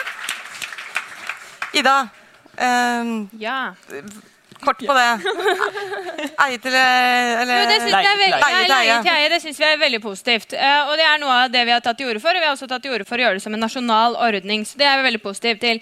Eh, jeg vil bare Men si du, om får, du gjennom det, eh, får du gjennom det i dagens konstellasjon, eller må du eh, begynne å leke med de folka her? ja, Jeg bryr meg egentlig ikke så veldig mye om hvem jeg skal leke med for å få det gjennom. Hvis man fremmer det, så er det om å gjøre at de som er for det, stemmer for det i Stortinget. Og nå er det flertall. Hvis alle herfra bort hadde stemt for det på Stortinget, så hadde det vært flertall. Så det er det jeg er opptatt av, å skape flertall for forslagene våre. Men, det- jeg vil bare si ja. en ting når det gjelder boligpolitikk. Fordi utfordringen med boligpolitikken, og det har vi alle felles, det er at det er ganske eh, lite sjanse for noen har da greid det, å få igjennom en litt mer radikal boligpolitikk i, hos moderpartiene vår. Fordi at de aller fleste i Norge eier bolig, tjener godt på det, og de ønsker ikke en politikk som gjør det mindre gunstig. Derfor er det ekstremt vanskelig. Det gjør også at vi er enige om ganske mye her i panelet, og vi presser våre moderpartier på det. Alt det som Rød Ungdom sa, er jeg enig i at vi må gjøre mer av i norsk boligpolitikk. Eh, men jeg vil si én ting. men, men vil Det si er en en salig allianse som bygger seg fram her, altså. men, men jeg vil si en ting til òg, for jeg har ikke vært inne. Og det er BSU-ordningen. Og den er bra, den. Men det er én ting som er utfordrende med den BSU-ordningen. Det er at du kan spare i BSU-ordningen til du er 35, og du kan spare opp til 300 000 kroner. Da må du spare ganske lenge for det første for å komme opp til 300 000 kroner. Og jeg mener det er veldig merkelig at vi bruker en milliard kroner i året på statsbudsjettet til å gi rentefradrag til folk som sparer i BSU, som allerede er inne på boligmarkedet. Derfor mener jeg det er en av de tingene vi kan gjøre for å styrke Vi kan ta pengene derfra, legge dem inn f.eks. i Husbanken, sånn at ikke vi subsidierer folk som eier bolig, men folk som skal inn i boligmarkedet. Unge folk som sliter med å komme seg inn. Ja, de bør få lån av Husbanken eller andre og få gunstigere betingelser på BSU-kontoen sin. Her er det masse folk som har tegna som, som, som uh, får replikk, så jeg har bare lyst til å Siden vi fikk en sånn utrolig deilig allianse her, RB-KrF, så vil jeg gjerne ha Så vil jeg gjerne vite uh, Stryke BSU for gamliser på 35 som allerede er inne i boligmarkedet. Ja eller nei, Ada? Eh, nei. Nei, Vi er Hvorfor ikke? Eh, Vi er for å ha BSU, fordi vi ser jo det at eh, jo da, det er en ordning som definitivt kan forbedres, uten tvil. Men det er fortsatt sånn at ungdom er svakere enn veldig mange ald eh, andre aldersgrupper på boligmarkedet. Og det å da fjerne eller gjøre store endringer på den ordninga, det tror ikke vi tjener ungdom. Da er vi for. Vi er for å utvide rammene til Husbanken. Vi mener at det må gjøres sammen med BSU-ordninga, ikke uten. Da, nå skal jeg bare si eh, Alle vil ha eh, ordet her en siste gang, og så skal vi gå videre fra bolig. Så da må dere tenke gjennom om dere kan si noe som står så hardt at jeg bare bestemmer at det blir ordet for aften på bolig. Kom igjen, Mani. God okay. utfordring. Altså, veldig gode forslag fra Rødt. Eh, Det er forslag som Arbeiderpartiet har foreslått på Stortinget. Og så hører jeg at KrF er positive til det, og da lurer jeg på hvorfor de stemmer imot de forslagene. Heller stemmer heller for, for, for, for Frp og Høyres forslag. Blant annet det, som, det, det gjelder på Husbanken. Nei, det er man- Nå snakker jeg. Hvor man kutta i pengene til Husbanken, og så har vi fortsatt å gjeninnføre det. Nei, men Mani, du, Ja. du må først få, må først få svare på om, om, om det stemmer at Hun har stemt for Frp og Høyres budsjett. Da har man stemt for å få ned midlene til Husbanken. Rett og slett, Det er det det handler om. Hvis du er enig med meg, så må du stemme på Arbeiderpartiet. Jo, men det du snakket om var at vi hadde stemt for den forskriftsendringen, men en forskriftsendring det stemmes ikke over i Stortinget. Jeg snakka om uh, bevilgningen til Husbanken. Ja, du det er det alle her har snakka om. Da, da snakket dere om to forskjellige Ja. ting, og det er, en, eh, det er et retorisk Ja, eh, artig poeng. Vi eh, har redusert midlene til Husbanken i våre budsjetter. Og så og så er, er det dette her med BSU. Uh, og jeg mener at uh, vi bør endre på det. fordi i dag er det 60% av de som har BSU, de eier en bolig allerede. Så de får skattekutt ved å tillegg eie en bolig. og Derfor mener jeg, og derfor kommer vi til å pushe vår, vårt parti på å se på ordningen med BSU. fordi det er ikke holdbart at vi gir skattekutt til folk som allerede eier. Det skal være en ordning for å få folk inn på boligmarkedet, ikke være konger i boligmarkedet. Ok, Slutt på 35 år gamle konger i boligmarkedet. Skal vi kutte BSU for 35, gamle, 35 år gamliser, eh, Andrea? Jeg vil eh, kutte BSU-en for alle. Jeg vil avvikle BSU-ordninga fordi den er med på å tydeliggjøre og styrke de, eh, den, den eh, forskjellene som vi allerede ser på boligmarkedet. De 1,3 milliarder kronene som gir i skattelette til de som uh, har BSU-en, eh, ja, det kan vi bruke på å styrke Husbanken, for å bygge leie-til-leie-boliger, for å få delt eierskap uh, i, i flere prøveprosjekter. Fordi det her handler om at vi må få flere inn på boligmarkedet, og ikke ha ordninger som er med på å liksom, styrke de forskjellene vi allerede ser. Dette er, en, er også en viktig del av kampen mot Forskjells-Norge. Linn Elise, bu til BSU. Eh, ja, jeg syns det var en rørende enighet nå mellom KrF og Rødt i boligpolitikken. Eh, det, det vil gjerne, dette vil jeg utforske videre når vi kommer inn på Stortinget. Eh, rett og slett. Det blir eh, 12. Også- september blir det dating. Ja, det blir det. Eh, boligpolitisk. Men så vil, jeg bare, så vil jeg bare tilbake til to superkjappe ting. Og Det ene er vi vil også avvikle BSU. Det andre var eh, vi vil ha høyere skatt på bolig nummer to når du eier det. Det tredje er tilbake til TEK 17, eh, som Hedvig sa først og fremst handler om at folk ikke skulle ha så god utsikt. Det er ikke det det handler om. Det handler om at man bygger i dårligere standard, blant annet kutter universell utforming. Dette er ikke sånn vi får alle inn på boligmarkedet, folkens. Meg? Sensor. Takk.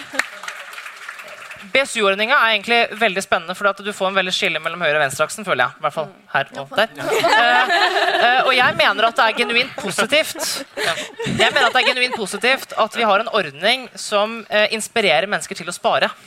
Og det at man sparer sparer til bolig, mener jeg genuint også er positivt. Og Vi er tilhengere av BSU-ordninga ønsker å videreføre den og også styrke BSU-ordninga. Men så må jeg også si da, at eh, noe jeg er veldig redd for når det kommer til boligprisene, er én ting er boligmarkedet. Det viktigste vi kan gjøre der, er jo å sørge for at det blir flere boliger i høyden, særlig i Oslo sentrum. sånn at vi får flere boliger. Det er jo etterspørsel og priser. altså Det har jo noe med hvordan markedet fungerer. Men så er det de som bor på leiemarkedet. Eh, og de som bor på leiemarkedet, er jo kanskje de som sitter litt lengst nederst ved bordet fordi de ikke har råd til å eie en egen bolig. Og det som er min bekymring, er jo at når vi snakker så varmt om å øke beskatningen på sekundærbolig, så er jo sp mitt spørsmål er, hvor er det den re regninga egentlig havner hen? Når man innfører eiendomsskatt på uh, boliger som viser seg også å gå utover Obos-boliger, hvem er det den regninga egentlig går til? Så du vil ha lavere skatt på sekundærboliger, sånn at eh, foreldrene dine eller mine kan eie flere boliger, sånn at de kan leie den ut til uh, de som stemmer på Linn Elise. Nei, nei, nei, nei. Eh, For det er jo på en måte ja. Det er- Eller det var veldig spesielt. Det var veldig men, spesielt. Men altså, du, uh, det du i hvert fall sier, er BSU, det vil du ha. Det er fint, det er bra. Ja. Uh, du vil ha TEK 17, det er fint, det er bra. Eh, utsikt eller ikke, luft eller ikke, spiller ingen rolle. Ingen det blir flere. Nei, nei, kjempebra.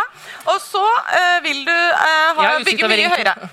Ikke sant? Og Høyere høyere. og billigere og, Og en, eh, kjærlighet til alle. En, en lit, ja, absolutt kjærlighet til alle. Men en liten eh, viktig detalj til, da, eh, som vi kanskje diskuterer litt for lite, det er jo også at ikke alle kanskje trenger å bo innenfor Ring 3. Og når, vi da, og når regjeringen har sørga for så Men det er ingen her som har sagt det? Ja. og når vi da sørget for, og når vi nå har sørga for en rekordsatsing på kollektivtransporten i storbyene, og i tillegg sørger for at intercity blir ferdigutbygd innen 2032, så vil vi se Nei, vi kan ikke at begynne med intercity, Nei, det, altså. Det blir veldig, veldig, veldig Det er langt også unna boligpolitikk. boligmarkedet. Det er også boligpolitikk. Ja, fordi det betyr, boligpolitikk, det, betyr, det betyr at jeg kan bo i Horten og ha under én time inn til Oslo. Ja. Så bra for deg. Og bra for de som skulle eh, Som har da kommet seg inn på boligmarkedet i Oslo. Eh, Heyerdahl, Hustveit, eh, Ida eh, Litveit, eh, Anna. Kan vi gå videre for bolig da, eller må vi liksom dvele veldig lenge her? Du stryker deg? Heyerdahl? Ja, jeg skal holde meg veldig kort. Vi er for BSU, og derfor har regjeringen også økt BSU-ordningen. Og nå ser vi altså at det er flere unge som faktisk eier sin egen bolig. Den har steget med 42% i gruppen 25-30 år i 2015, mens den kontra i 2004 kun var på 34% Og så er jeg faktisk enig i at vi Små, små, små, små, små skritt, så kan vi til slutt eie ja, Vi kan se på hvordan vi kan gjøre BSU-ordningen mer rettferdig. Det er jeg helt med på. Og så til eh, dette med forskrifter. Det jeg sa var at Vi forenkler de, sånn at vi kan eh, bygge boliger eh, billigere og raskere. Og det gjør vi. Og så mener jeg at jeg som student for eksempel, ikke trenger de eh, samme strenge kravene til andre boliger, men det betyr ikke at vi skal bygge dårligere. Ok, men da er det Var det Nei, det var ikke klart. Jo, det var klart. Det var klart.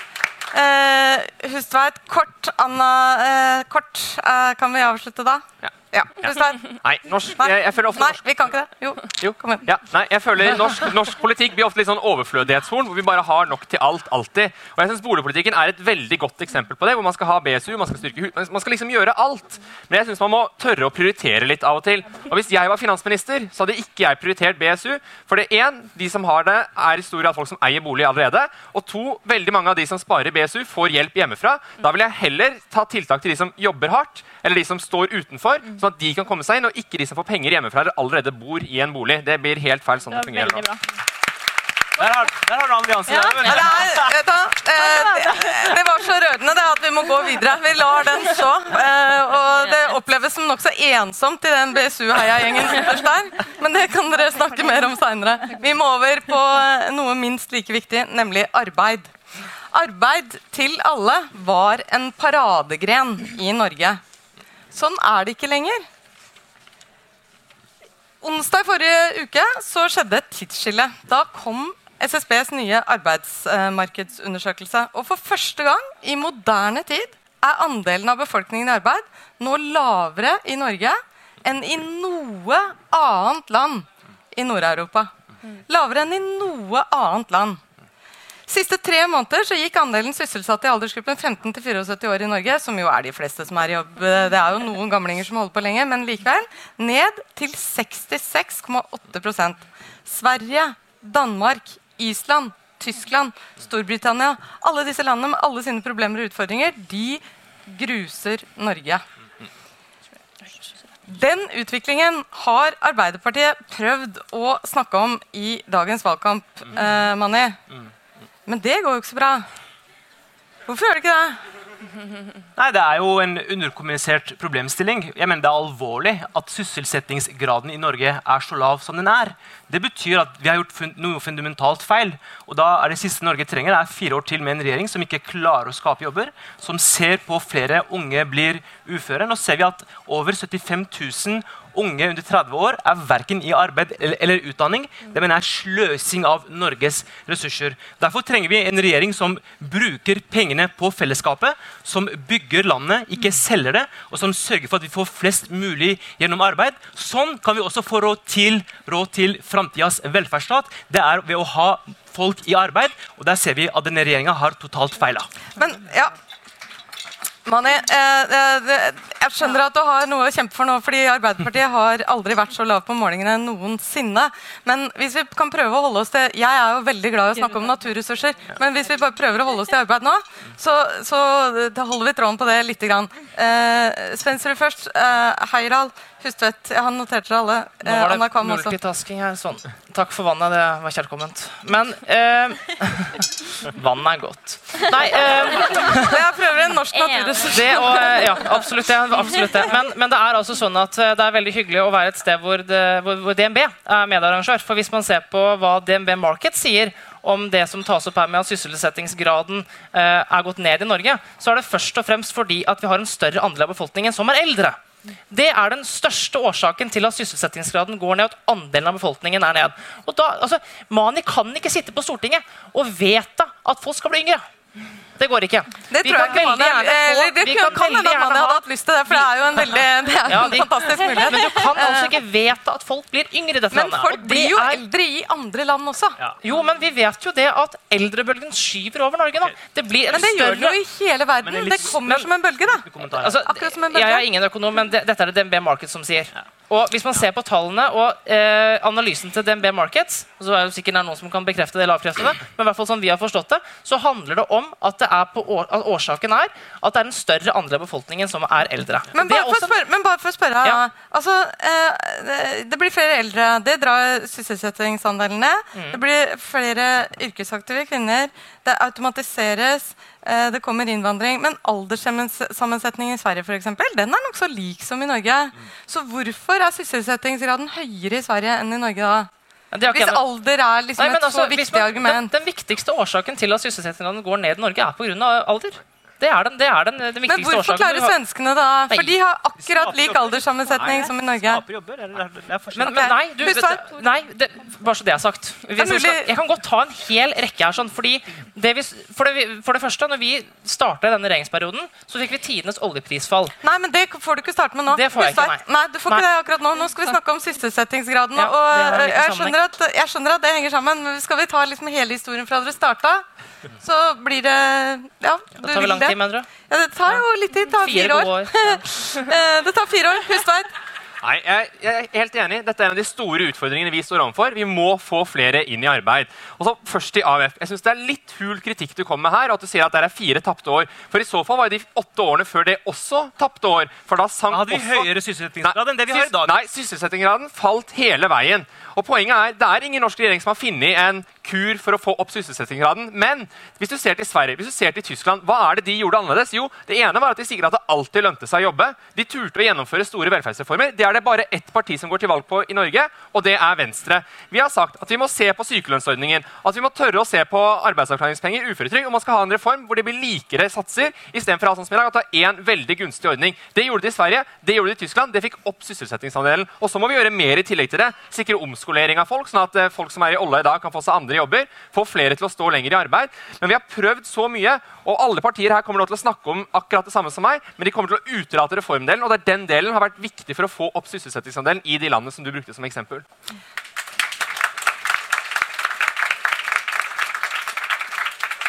Man må nesten få svare på den direkte utfordringen. Og så har jeg notert meg både Heierdal, Anna Kvam og eh, Ada. Altså, som du hører, så klarer ikke høyresiden å svare på hvorfor det går så mye bedre i Sverige. Når vi har, når vi har akkurat det samme, eh, samme alderssammensetningen som vi har i, i Norge. Og det er et tall som denne gjengen her ikke vil snakke om. Og det er de 75 000 unge som er under 30, som i dag er verken i arbeid eller i utdanning. Og der er på en måte, Vi har fått folk i regjeringen som er sånn life coach. Må stå på morgenen og skaffe deg en jobb eller en utdanning. Det er ikke det folk trenger. Folk trenger politikk. Folk trenger arbeidsplasser, folk trenger studieplasser. Det er det som sørger for å få, få, få disse her ut i aktivitet. Sånn kan vi få, sånn kan vi få eh, eh, ned, sys, eh, ned opp sysselsettingsgraden. Sånn kan vi få flere, flere mennesker i aktivitet. Poenget er at vi har en, en regjering som ikke snakker om dette her. Og jeg mener det er et stort problem, for det er et stort utenforskap i landet vårt. Folk vil jobbe, men det mangler jobber, det mangler studieplasser. Og, eh, og eh, da har vi bare én ting å gjøre, og det er å kvitte oss med Frp-Høyre-regjeringa. Men jeg hørte at de snakket om, jeg hørte at de snakket om det her, så Heierdal. Ja, eh, Det er veldig sant. Jeg vil gjerne snakke om hvordan vi kan hjelpe unge inn i arbeidslivet. Og det gjorde jeg også i starten, men jeg kan godt gjenta det, Mani, for det har du litt problemer med. Fordi Forskjellen mellom oss to er at jeg faktisk har noen konkrete løsninger for hvordan vi vil hjelpe unge inn i arbeidet. Og de, eh, arbeid. Og det kan jeg nevne igjen. Vi har gjort det mulig å ansette flere midlertidig. Det mener jeg er bra, så vi får en fot innenfor og litt erfaring. Ja, det er du uenig med. Um, vi har økt lærlingtilskuddet, slik at det skapes nå 500 flere lærlingplasser fordi at det er blitt lønnsomt for bedriftene å ansette lærlinger. Arbeiderpartiet økte ikke lærlingtilskuddet én gang mens de satt åtte år i regjering. Og tre, vi har lansert en ungdomsinnsats som sier at alle under 30 år som ikke er i utdanning eller i arbeid, de skal få veiledning og hjelp fra Nav, slik at de kan komme inn i eh, arbeid. Men fra AUF her så hører man som vanlig bare kritikk, men de kommer ikke med en eneste løsning selv utenom å øke skattene, og det skaper ikke flere arbeidsplasser. Nei, må, nå, Nei, nå må du vente litt, Manni, for du skal få ordet igjen, jeg lover. Jeg har et par utfordringer til deg, jeg også.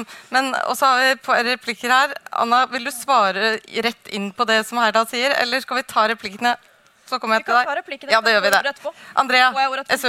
Ja, jeg vil, jeg vil ta opp det her med midlertidige stillinger. Fordi noen av oss er faktisk ganske avhengig av å få inn en lønn på kontoen hver eneste måned. Også, ja, få inn penger, også kalt lønn. Eh, og eh, vi, vi har nemlig ikke muligheten, som ganske mange i dette landet, og stadig flere, muligheten til å leve av renters rente. Eh, og da må vi ha et trygt og anstendig arbeidsliv. Og de fleste av oss, også ungdom, vi ønsker trygghet, og vi er avhengig av trygghet i arbeidslivet. Ni av ti unge de ønsker fast jobb. Og uten fast jobb så blir det faktisk ekstremt mye vanskeligere å planlegge fremtida. Vi har akkurat brukt dritlang tid, eller ikke lang nok tid, på å diskutere boligpolitikken. Hvordan vi skal få flere unge inn i boligmarkedet. Ja, skal jeg gi deg eh, en eh, grunn til at man ikke får flere unge inn i, inn i, boligmarkedet? Ja, det er fordi de sitter med midlertidige stillinger. De får ikke lån i banken. Og da får man heller ikke eie sin egen bolig. Og en annen ting med eh, midlertidige stillinger, det gjør at man ikke tør å si ifra hvis det er for dårlig sikkerhet. Hvis det er urettferdighet som skjer på jobben. Fordi du vet ikke om du kan få sparken pga. det. Så vi vil ha et trygt og anstendig arbeidsliv. Fordi det her er det som skaper trygge liv.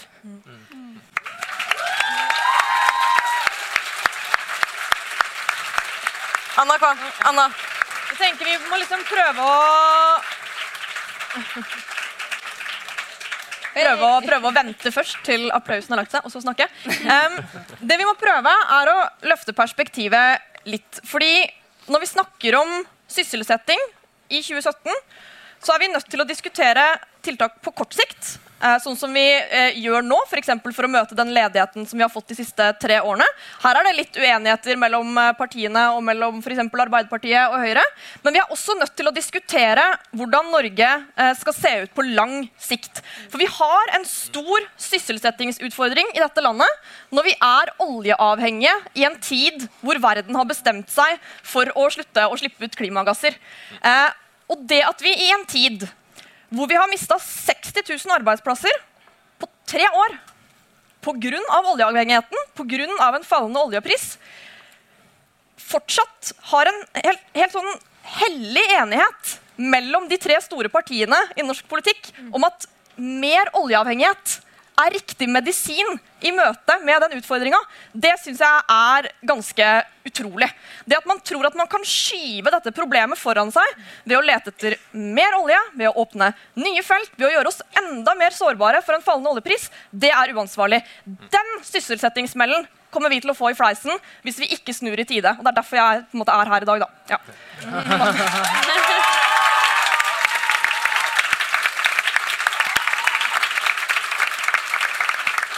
er vi plutselig over på olje, og der er det, uh, vet jeg at det er mange som vil snakke med, men jeg kommer til å presse dere tilbake til kort sikt først, fordi det var i ferd med å ta her knytta til midlertidige stillinger. Så vi skal være der bitte lite grann til.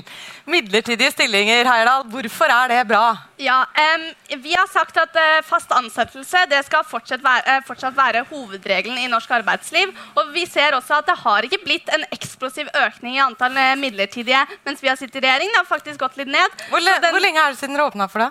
Eh, da starten av regjeringsperioden. Men det viktigste her 2015. 2015 takk. Eh, det tallet hadde jeg ikke akkurat i hodet. Men det viktigste her det er at jeg skulle også som SU ønske at det valget det sto for meg og for oss unge eller for folk som har hull i CV-en, mellom eh, en, en, fast jobb og, eller en fast jobb som man kan velge, men vi vet at det ikke er sånn at man kan velge og vrake sånn. Så derfor sier vi at en midlertidig ansettelse er bedre enn ingen, ingen ansettelse i Men det hele tatt. Men er det? Vil du vi- ha- hvor lenge vil du ha en midlertidig jobb? Hvis du bare kan la Ja, meg fullføre først. Fordi så ser vi også at flertallet av de som har vært ansatt midlertidig, de kommer ut i fast arbeid.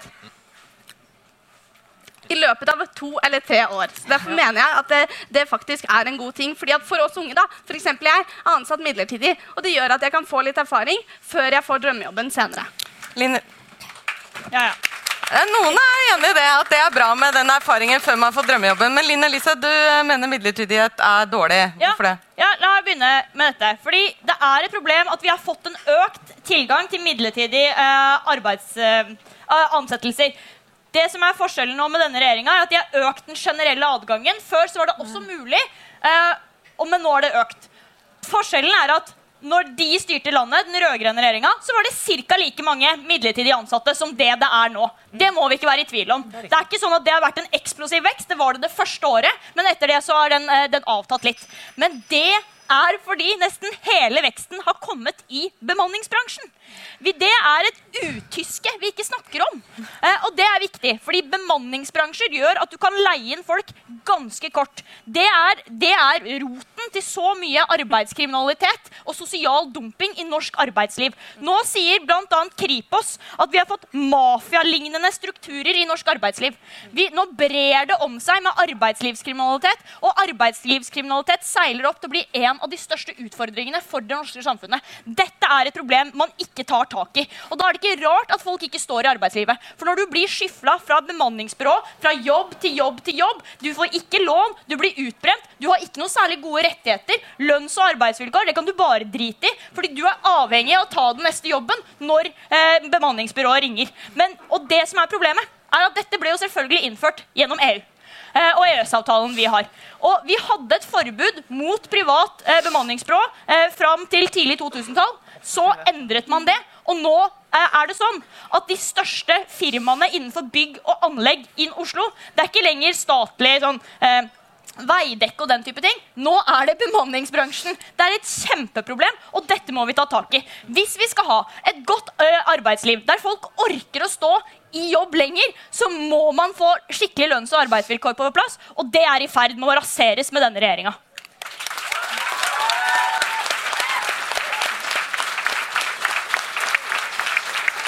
Jeg ble ikke veldig glad. Jeg vil tro at eh, de blå-blå ikke vil være helt enige i at en eh, åpning på flere midlertidige ansettelser er det som har ført til mafialignende tilstander i arbeidsmarkedet. Men, eh, men Bjørn Kristian, kan du ikke svare på noe av dette? Det var mye, men jeg skal prøve. Uh, ja, men, altså, det har vært, faktisk, jeg- har tall her. Det er en- en økning på 0,5% i midlertidige stillinger etter at vi åpnet den generelle tilgangen. Men jeg skal ikke glorifisere midlertidige stillinger. Jeg mener at det, er, det som er, at det er positivt at man har én fot innenfor arbeidslivet i stedet for begge føttene utenfor. Det mener jeg helt genuint. Det er bedre enn ikke ha jobb overhodet. Men alle er enige i at faste stillinger er det aller beste. Men problemet og utfordringen ligger i de arbeidsgiverne som ikke evner å følge loven. Og uavhengig om man er for eller, mid, for, for eller mot midlertidige stillinger, så er det en utfordring at du har arbeidsgivere som ikke følger loven. Og det som er det aller viktigste når det kommer til midlertidige stillinger, det er at det skal være et midlertidig behov. Og hvis du da har en arbeidsgiver som later som at det er et midlertidig behov, men så er det egentlig et fast behov, da får vi en utfordring. Og da mener jeg også at man må se litt grann innover i seg selv når det kommer til staten, for staten er aller verst på akkurat det punktet. Og da, altså, direktorater, departementer, ja, kommuner. Men når du sier det, at uh, det må ikke uh, adgangen til midlertidige stillinger må ikke skjule et egentlig behov for varig arbeidskraft. Hvordan helt konkret vil Fremskrittspartiet og denne regjeringen sørge for at det ikke skjer? Ja, først og fremst så handler jo Adgangen til midlertidige stillinger handler jo om at hvis du er, for, for er en liten bedrift, da, som de aller fleste bedriftene i Norge faktisk er, de er små og mellomstore, eh, og så står du og tenker i en vanskelig situasjon skal jeg utvide bedriften min eller skal jeg ikke utvide bedriften min. Ok, jeg prøver. Vi prøver med én stilling til og ser hvordan det går. Det er et midlertidig behov. Og når det da har gått et år, og hvis du som bedriftseier tenker jeg har fortsatt behov for dette, da har det mennesket krav på fast ansettelse. Og Det er sånn lov, loven egentlig fungerer. Og hvis den fungerer sånn, så er det egentlig et veldig godt system. Det er flere som ønsker replikk her. Uh, Tord og Ida, vil dere ha replikk, eller vil dere, eller vil dere ha innlegg? Dere vil innlegg? Ja, innlegget. Ja, Da skal vi til Ada. Vi Takk. Eh, vi i Senterpartiet mener jo at eh, norske lønns- og arbeidsvilkår det er et fortrinn vi har i verden. Det det, altså hvis vi skulle ha begynt å konkurrere på å ha dårlige lønns- og arbeidsvilkår eh, med resten av omverdenen, så ville vi tapt den konkurransen. Vi kan ikke være størst og billigst, vi må være best. Vi må ha høy kvalitet. Og det er ingen vei utenom denne diskusjonen om arbeid uten å gå inn på utdanning. Og for oss så er tida kommet for å satse på ordentlig på yrkesfagene. Fordi det vi hører fra teknologibedrifter rundt om i landet, så sier de vi vil ha kvalitet i samtlige ledd av bedriften vår. Det betyr også at vi trenger sterke folk fra yrkesfaglinjene. Men per i dag så er det en nedprioritert linje, og det er nesten 60% som ikke fullfører i løpet av fem år på yrkesfag, i motsetning til 86% på studiespesialisering. Vi har en kjempeutfordring, for det er her næringslivet skriker etter. Det er her industrien skriker etter. Og da ønsker vi i Senterpartiet at man skal gå inn for vekslingsmodeller som gjør at fra dag én, fra videregåendes første år, så kommer du inn i en bedrift. De får lov til å fortelle, de får lov til å bidra til kunnskapen du bygger, og det øker jo sjansen for at du blir i bedriften etterpå. Men en tettere bånd mellom de dyktige folka vi har på yrkesfag, de må prioriteres opp, og de må komme i tidligere kontakt med bedrifter. Det trenger vi. Og så en siste ting. Når det gjelder på lang sikt og naturressursene, så er det sånn naturressursene Nei, finnes rundt om i landet, og da må vi ha gode tjenester nært Ja, takk. Den skal vi komme tilbake til. Jeg er ikke frekk nok. Jeg, jeg må bli frekkere. Andrea, og så skal vi videre. Ja, jeg vil, jeg vil ta det litt videre eh, på det Ada starta med, med yrkesfag. Og nå skal jeg faktisk gjøre noe jeg ikke gjør så veldig ofte. Jeg skal rose regjeringa. Uh. jo, fordi jeg syns det, er- det er dritkult at dere har økt lærlingtilskuddet. Det er kjempeviktig at vi øker lærlingtilskuddet. Og det skal vi gjøre eh, mye fremover. Men det er fremdeles sånn at det er ikke alle i Norge som har rett til å fullføre utdanninga si. Eh, hvis du går på yrkesfag, så har du i, eh, i praksis i dag og i teorien ikke retten til å fullføre utdanninga di. Og hadde vi sagt det samme til de som gikk på studiespesialiserende eh, i dag, at liksom, ja, ja, nå har du hatt to år med norsk og fremmedspråk og eh, ja, historie og matte, men eh, det er dessverre ikke plass til deg på tredje året, så du må bare finne på et eller annet annet å drive med. Det hadde jo ikke blitt akseptert, ikke sant? Så man ha, må i dag få eh, lovfesta rett til læreplass. Alle skal få muligheten til å fullføre sin utdanning, og det her er liksom grunnpilaren i hvordan vi ser forskjellene på de som driver med faglig eh, arbeid, de som har fagbrev, og den respekten de fortjener. Og da må vi faktisk lovfeste deres rett til å fullføre sin utdannelse.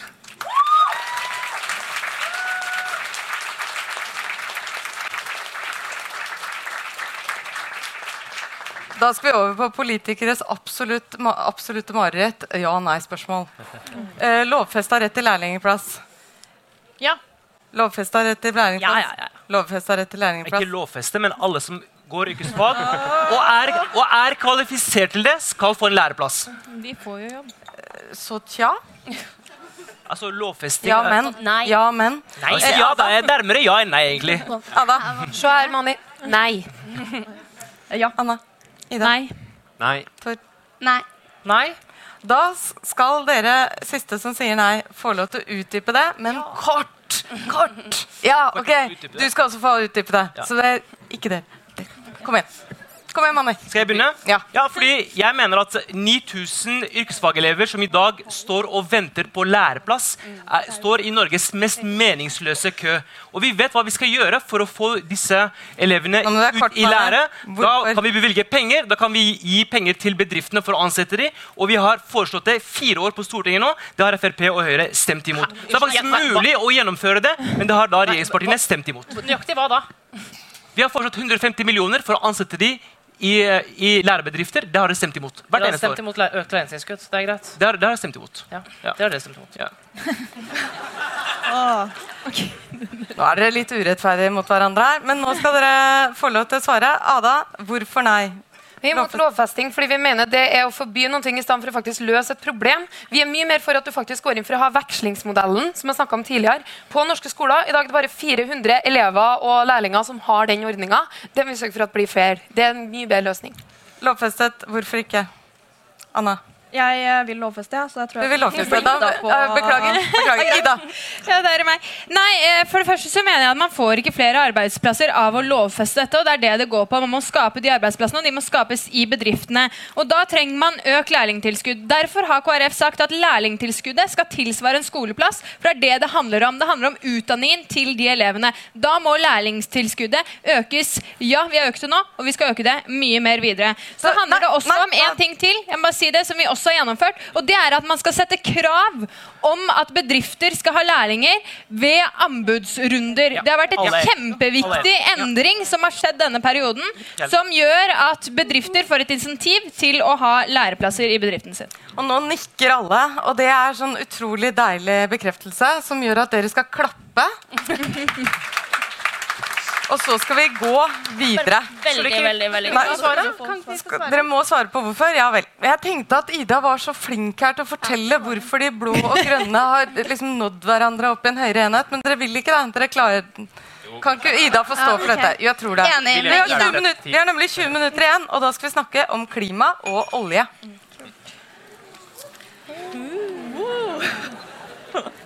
Og så Så kan dere fortsette på gangen med menneskerettigheter og verden der ute. Okay. Der ser du, der ser du Internasjonal solidaritet ble igjen kasta ut på gangen. Jeg vil jo, på mange, mange vil nok si at klima har litt med internasjonal er solidaritet å gjøre. Eh. Så la oss, bra. eh, la oss eh, begynne med det. Vi snakker om togradersmålet i eh, offentlig debatt, ikke bare i Norge, men eh, rundt om i verden. Men Parisavtalen forutsetter jo faktisk at vi skal klare å kutte klimagassutslippene, sånn at vi klarer å stabilisere eh, klimaet på kloden til eh, maks å øke med 1,5 grad. Går det egentlig an å snakke om klimapolitikk i et land som har satsa hele rikdommen sin på olje og gass? eh, Line Elise? Ja. Ja, det gjør det. Ja, ja.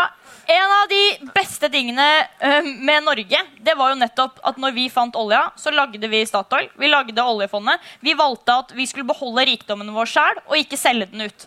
Det vi trenger nå, det er politikere som er like modige som man var på slutten av 60-tallet. Bare at man nå ikke skal satse på olje, nå skal man satse på nye ting.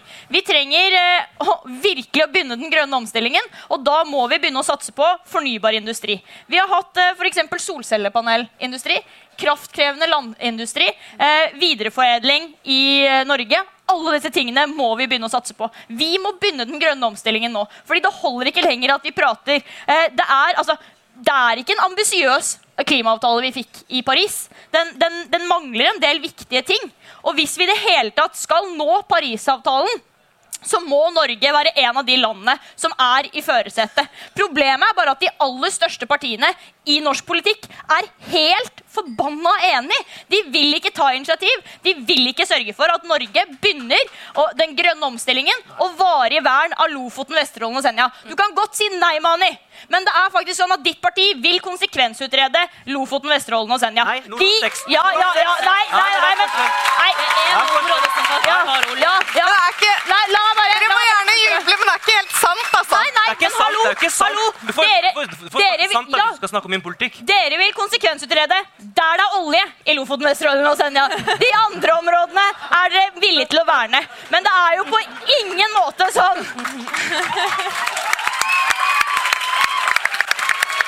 Ja. Men det er jo på ingen måte sånn at hvis man begynner en konsekvensutredning der man finner olje fordi det er det, og man begynner å pumpe opp oljen i, i Lofoten, så ser ikke jeg helt for meg at Jonas Gahr Støre, som har sagt i mars i år at han og Arbeiderpartiet er garantisten for at høyt aktivitets- og letenivå på norsk sokkel kommer til å si vi verner Lofoten og Vesterålen og Senja, gutta. Dette blir fett. Sorry, ass, men her er det faktisk sånn at Høyre og Frp i hvert fall tør å si hva de mener. Arbeiderpartiet er veldig uklare her, og jeg tror ikke de er garantisten for en grønn omstilling i norsk politikk. altså. Beklager.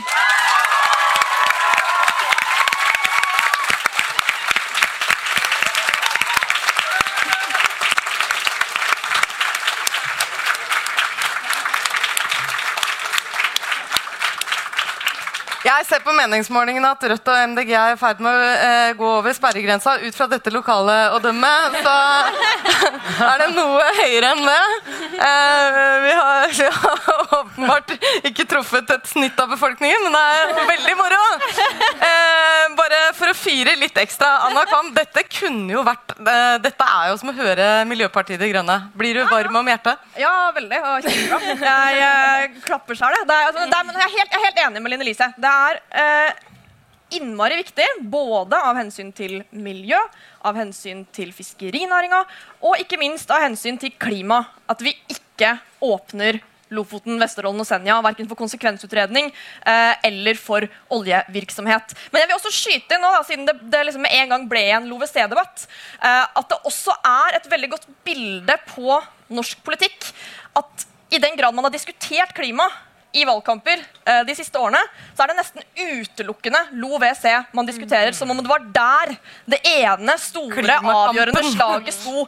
Det er viktig, det er veldig viktig, men vi må også begynne å snakke om at det ikke bare er oljeleting i LoVC, men mer oljeleting generelt. Som kommer til å være med på å hente opp mer fossil energi, som kommer til å sprenge togradersmålet. Som jeg begynte med å si her i dag, så har vi allerede funnet mer fossil energi. Vi kjenner til mer fossil energi i verden enn vi kan utvinne. Skal vi da lete etter enda mer? Skal vi bruke fellesskapets ressurser og kompetanse på å lete, av mer, lete etter mer av det som skaper de klimaendringene som Erna Solberg har vært med på eh, å signere i en avtale på at vi skal bekjempe? Det må vi begynne å snakke om, og det er derfor vi også har sagt at vi ikke kan være en del av en regjering som åpner nye oljefelt.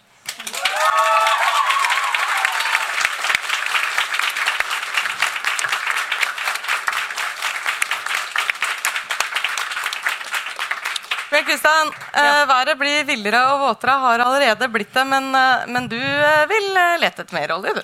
Er det noe jeg skal si? Drill, baby, drill? Nei da. Du sa det. Ja, jeg sa det sjøl.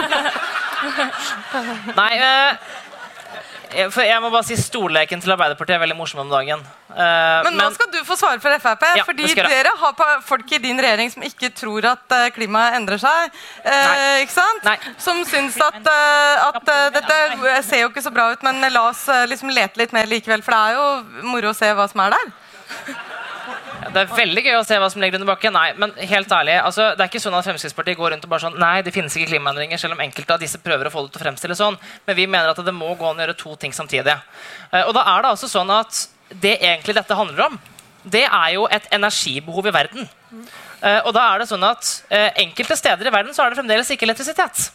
No, vi, mange av oss var jo eksempel på en tur ned til Kenya og var i Nairobi. Og da fikk vi vite at strømmen i Nairobi styres av at man brenner diesel rundt byen. Men nå må jeg bare spørre deg, nei, må, dette er et resonnement. det- Dette er et resonnement. Okay, Og da handler det om et energibehov. Og da mener jeg faktisk at det er bedre at vi utvinner den norske olje og gassen som vi kan, når det er 3% av verdens olje- og gassmarked. For det vi vet, det er at hvis vi skrur av den krana i dag, sånn som enkelte av disse partiene ønsker, resultatet av det vil bare være at andre skrur krana litt grann opp.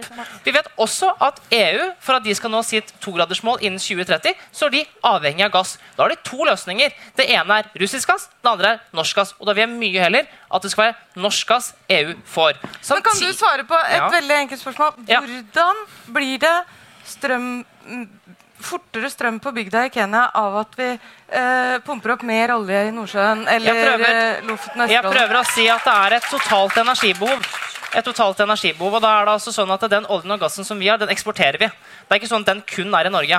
Men det er også sånn at vi bruker halvparten av vannreservoarene våre. Det kan vi utvinne til 100% men da er det færre fosser i dette landet. Det er sånn at Vi vet at trevirke kan gi nøyaktig samme virkning som olje. Jeg håper at vi kan bruke tre, trevirke en dag, men vi er nødt til å ta realiteten inn over oss. Den mobiltelefonen her hadde aldri eksistert uten olje. Tesla hadde aldri eksistert uten olje. Eh, Nissan Leaf hadde aldri eksistert uten olje. Men det kan, eksistere, det kan eksistere med trevirke. Det kan det gjøre. Men da er vi nødt til å forske mer på det, sånn at det blir konkurransedyktig å, å utvinne f.eks.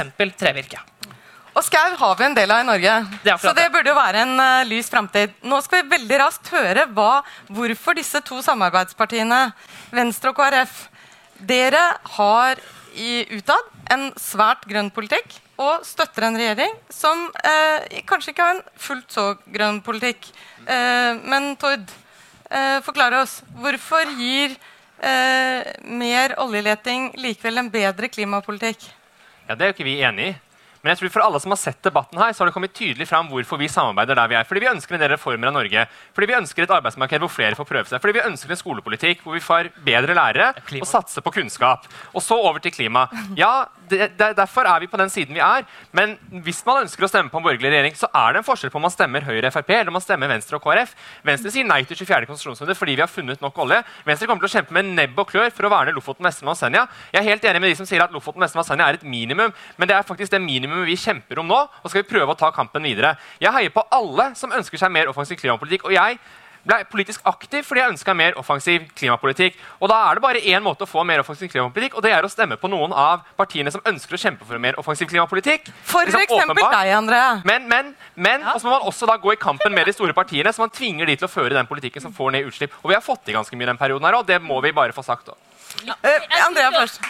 Jeg, jeg bare syns det er det er liksom bare så, det feil, da. Fordi For et par måneder siden så, så åpna regjeringa og oljeminister Terje Søviknes rekordmange blokker i Barentshavet. Og da sa han nå må vi bare kjøre på litt.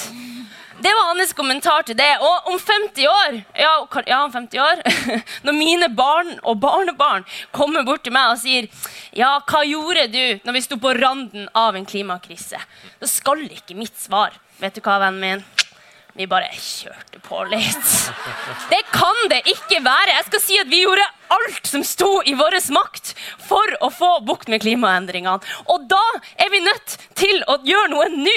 Og vi kan ikke bare kjøre på i oljebransjen. Vi må kjøre på med nye energikilder. Vi må vri investeringene våre fra fossil olje og over på nullutslippsløsninger i næringslivet, i fornybar energi, i kollektivtrafikken og i fremtidsnæringa, som f.eks.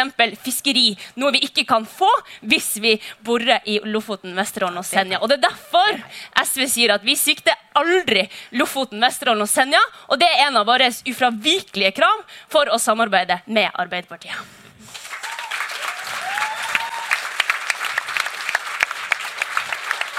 Ida. Ja, eh, nei, Jeg også syns det er kjempeutfordrende å samarbeide med Frp og Høyre på dette området. Vi er ikke enige med Frp og Høyre på dette området, og derfor kjemper vi hele tiden for å få gjennomslag for små skritt for å gå i en grønnere retning. F.eks. en klimalov. Det fremma vi forslag om i forrige periode og ble stemt ned. Nå fremma vi forslag om dette nå og fikk gjennomslag for det, sånn at vi faktisk får en klimalov. Biodieselavgift. Det økte den rød-grønne regjeringen. Det har vi nå fjerna. Og eh, jeg vil si én ting som er utfordringen med Frp. For jeg er ikke enig med Frp i dette. For det første, Problemet i fattige land det er ikke det du snakker om, det er at landområdene deres ødelegges hvis ikke vi gjør noe med klimaendringene. Da har de ingenting å leve for. Det er det som er utfordringen med klimaendringene. Og når Bjørn Kristian her snakker om EUs gassutfordringer, eh, ja, så er det faktisk sånn at norske ministre dro ned til EU for å lobbe mot EU for å sette lavere krav for sine fornybarmål fordi at norsk gass skulle leveres til EU. Det er feil. Det er derfor jeg ønsker at KrF og Venstre skal inn i regjering sammen med Høyre, sånn at vi får styringa på dette området. Sånn at vi ikke driver lobbyvirksomhet for norsk olje og gass, men begynner å sette klimamålene først. Begynner å se at det er økonomiske utfordringer med å bore i Lofoten, Vesterålen og andre sårbare områder. Hvis ikke det er klimahensynene som Frp biter på, så trodde jeg faktisk de skulle bite på de økonomiske utfordringene må stadig bore lenger nord, som ikke vil være lønnsomt i fremtida.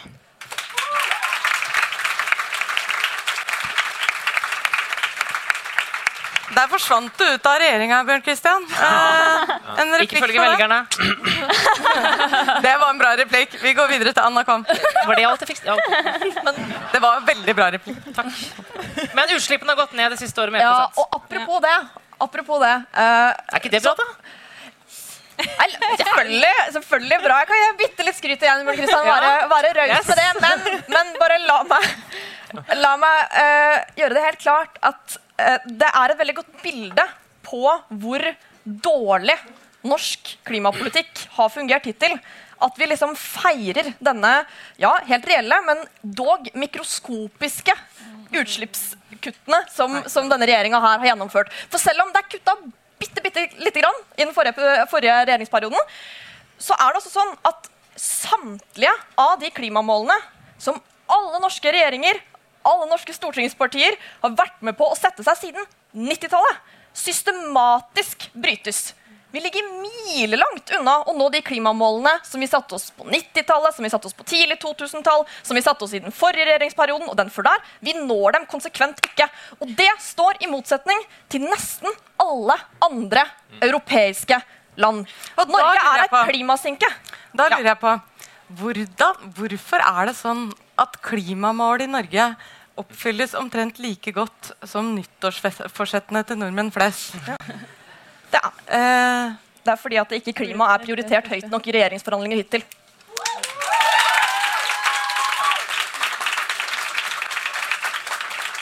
Ada, man, Vi må ta en liten uh, lite besøk inn på venstre flanke her. Ada, Mani, uh, Line Lise, Andrea. Jeg skal si, uh, si såpass som at jeg mener at uh, ingen av oss som står her, har særlig grunn til å være fornøyd med det som har blitt gjort av klimaarbeidet foreløpig. Det må gjøres mer. Og jeg synes det var det svei litt i hjertet mitt altså, der, forrige høst, når det var statsbudsjettforhandlinger. Og det som var den store klimasaken, det var drivstoffavgift og flypassasjeravgift. Fordi det her er snakk om flate avgifter som rammer like hardt om du tjener 500 000 eller 5 millioner. Om du bor på Majorstua eller om du bor på Lekka i Nord-Trøndelag, så rammer det like hardt. Det Klimapolitikken må ikke bli en unnskyldning for å øke forskjellene til å bruke flate avgifter. Eh, når vi reduserer den til det, så hopper vi langt forbi det som faktisk trengs. Fordi ideene er der, løsningene er der. Vi har utrolig dyktige folk som jobber med teknologi, som har framtida klar for oss, men det trenger å satses. Og jeg ønsker at vi kunne gi oss med småkjekling om flate avgifter som ikke har påvirkning på klimaet, og gått inn for de store løftene på de naturressursene vi har, bl.a. skog. Biodrivstoffet må utvikles. Vi må satse på grønne investeringsfond for framtida. Og det ønsker vi jo Senterpartiet å gjøre. Tord, Nei. Her ser dere nå grønne investeringsfond. Er ikke det en god idé? Ja, vi har gjort. Vi har styrka Enovas vi har styrket Teknologifondet og vi har oppretta Fornybar AS. Men her ser dere noe av problemet med Senterpartiets klimapolitikk, og som mange der borte kommer til å stri med, på samme måte som vi strir med Frp. Og det er at Senterpartiet anerkjenner ikke at det funker å lage insentiver så det lønner seg å velge miljøvennlig. For skal du klare å få den teknologisatsinga som jeg ønsker meg, skal du klare å skape grønne arbeidsplasser, så må det alltid lønne seg å velge miljøvennlig. Og noen ganger betyr det å øke avgiftene litt, samtidig som man senker andre ting. Vi økte drivstoffavgiftene litt, og vi fjerna avgiften på biodrivstoff. Hva gjorde det? Jo, nå er biogass mer lønnsomt enn fossilgass. Og hva skjer da? Jo, på grongen i Nord-Trøndelag kommer det nå en kjempeinvestering på et nytt biogassanlegg. Det hadde ikke skjedd med den politikken Senterpartiet fører. For Senterpartiet økte avgiftene på biogass i sin når de satt med regjering. Senterpartiet nekta å gjøre noe som helst med noen avgifter fordi de hadde vegringsangst mot å ta på noe som var upopulært. Vi har turt å gjøre upopulære ting, og det gjør nå at nå kommer det nytt næringsliv, ny teknologi og nye klimaløsninger fra Norge som vi kan selge til resten av verden. Så hele verden får vært med og kutta sine utslipp, og vi kutter utslipp her hjemme. Det er god klimapolitikk. Det trenger vi mer av, ikke Senterpartiets unnlatenhet. Og dette må Senterpartiet få svare på. Takk. Regjeringa, det er sant, Venstre og KrF har fått til det at man oppretter fond. Det vi i Senterpartiet vil er at man òg investerer mer av statens midler, fordi vi må faktisk kunne satse. Altså, Vi må faktisk kunne bruke skattepenger på det her. Det er en felles utfordring for alle av oss. Eh, og nå har jeg glemt resten av det du sa, dessverre. Bare si meg et par stikkord? Ja, nei, jeg mener vi har, vi har brukt 20 milliarder på Fornybar AS. Hvis det ikke er å putte penger på å investere i fornybar teknologi, så veit ikke jeg helt hva det er å putte penger på fornybar teknologi. Altså 20 milliarder, det er mye penger. Ada. Ja, men så, så CO2-fond for tungtransporten, der vi faktisk må kutte enormt. Det er jo i transporten. Der oppretter du det, men samtidig så legger du ikke på de pengene som trengs for at du faktisk får fart på det. Så sørger vi for at vi gjør morgendagens løsninger lønnsom. Nå vil dette fort kunne ende opp med en veldig intens diskusjon mellom Venstre og Senterpartiet. Den skal dere få fortsette på på gangen. Men eh, Mani, du fikk en veldig tydelig utfordring.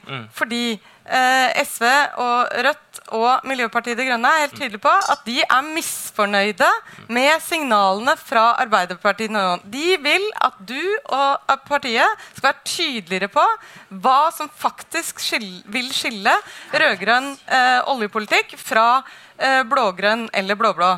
Ja, altså For det første så forklarte jeg vårt, eh, eh, vår nye politikk på Lofoten, Vestland og Senja. Men hvis vi ser det står, ja, og det står der. For det andre så mener jeg at det man trenger nå, det er lederskap i miljø- og klimapolitikken. Fordi vi har sett at i løpet av fire siste årene vi har sett at de fire siste årene så har klima, klimagassutslippene har gått opp, med unntak av de siste kvarteret i løpet av deres regjeringstid. Nå snakker jeg. Og så mener jeg at Det vi trenger å gjøre, det er å bygge landet for framtida. Da må vi satse på å kutte utslippene i transportnæringa, som står for en tredjedel av eh, klimagassutslippene.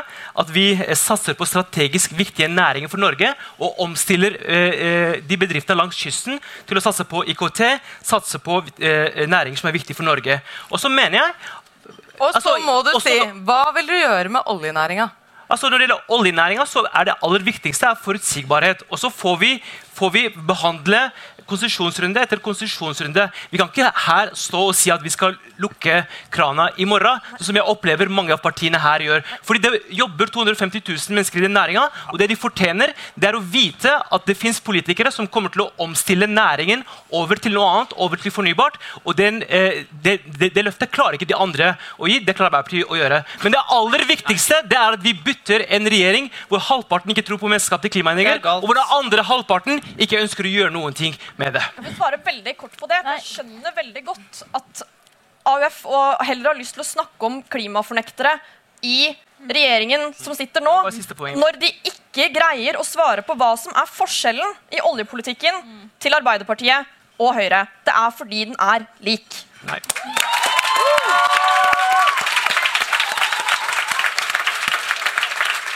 Andrea? Ja, for det første så vil jeg jo kanskje si at eh, misfornøyd var jo kanskje tidenes understatement. Og det er, det er derfor vi stiller ufravikelige krav. Og jeg tror kanskje vi og, og KrF og Venstre er nødt til å starte en sånn støttegruppe for oss som sliter med å få med samarbeidspartnerne våre på klimagassutslipp. Eh, kutt i klimagassutslipp. Fordi det er, det er et kjempeproblem at det er vi småpartiene som faktisk ønsker en forandring i norsk klimapolitikk som får færre stemmer.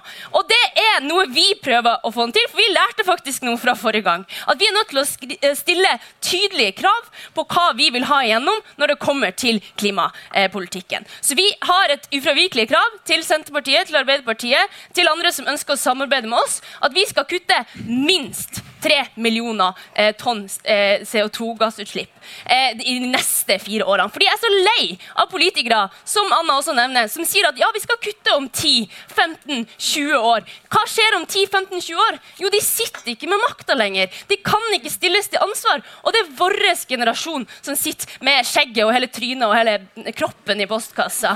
Med liksom Er i postkassa. Vi har flytta inn i postkassa. I postkassa. Og da må vi kunne stille krav. Men da er vi også avhengig av at folk som faktisk ønsker et skifte i norsk klimapolitikk, ja, da må de stemme på noen av oss som faktisk ønsker endring.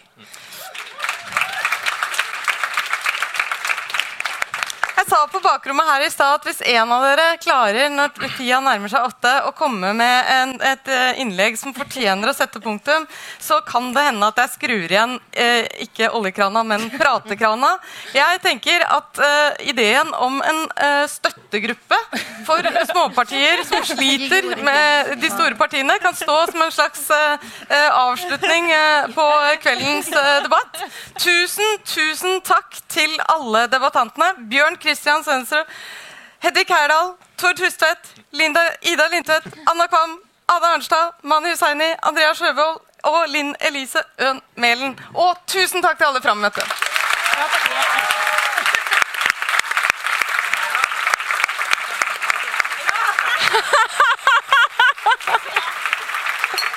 Oi, oi, oi.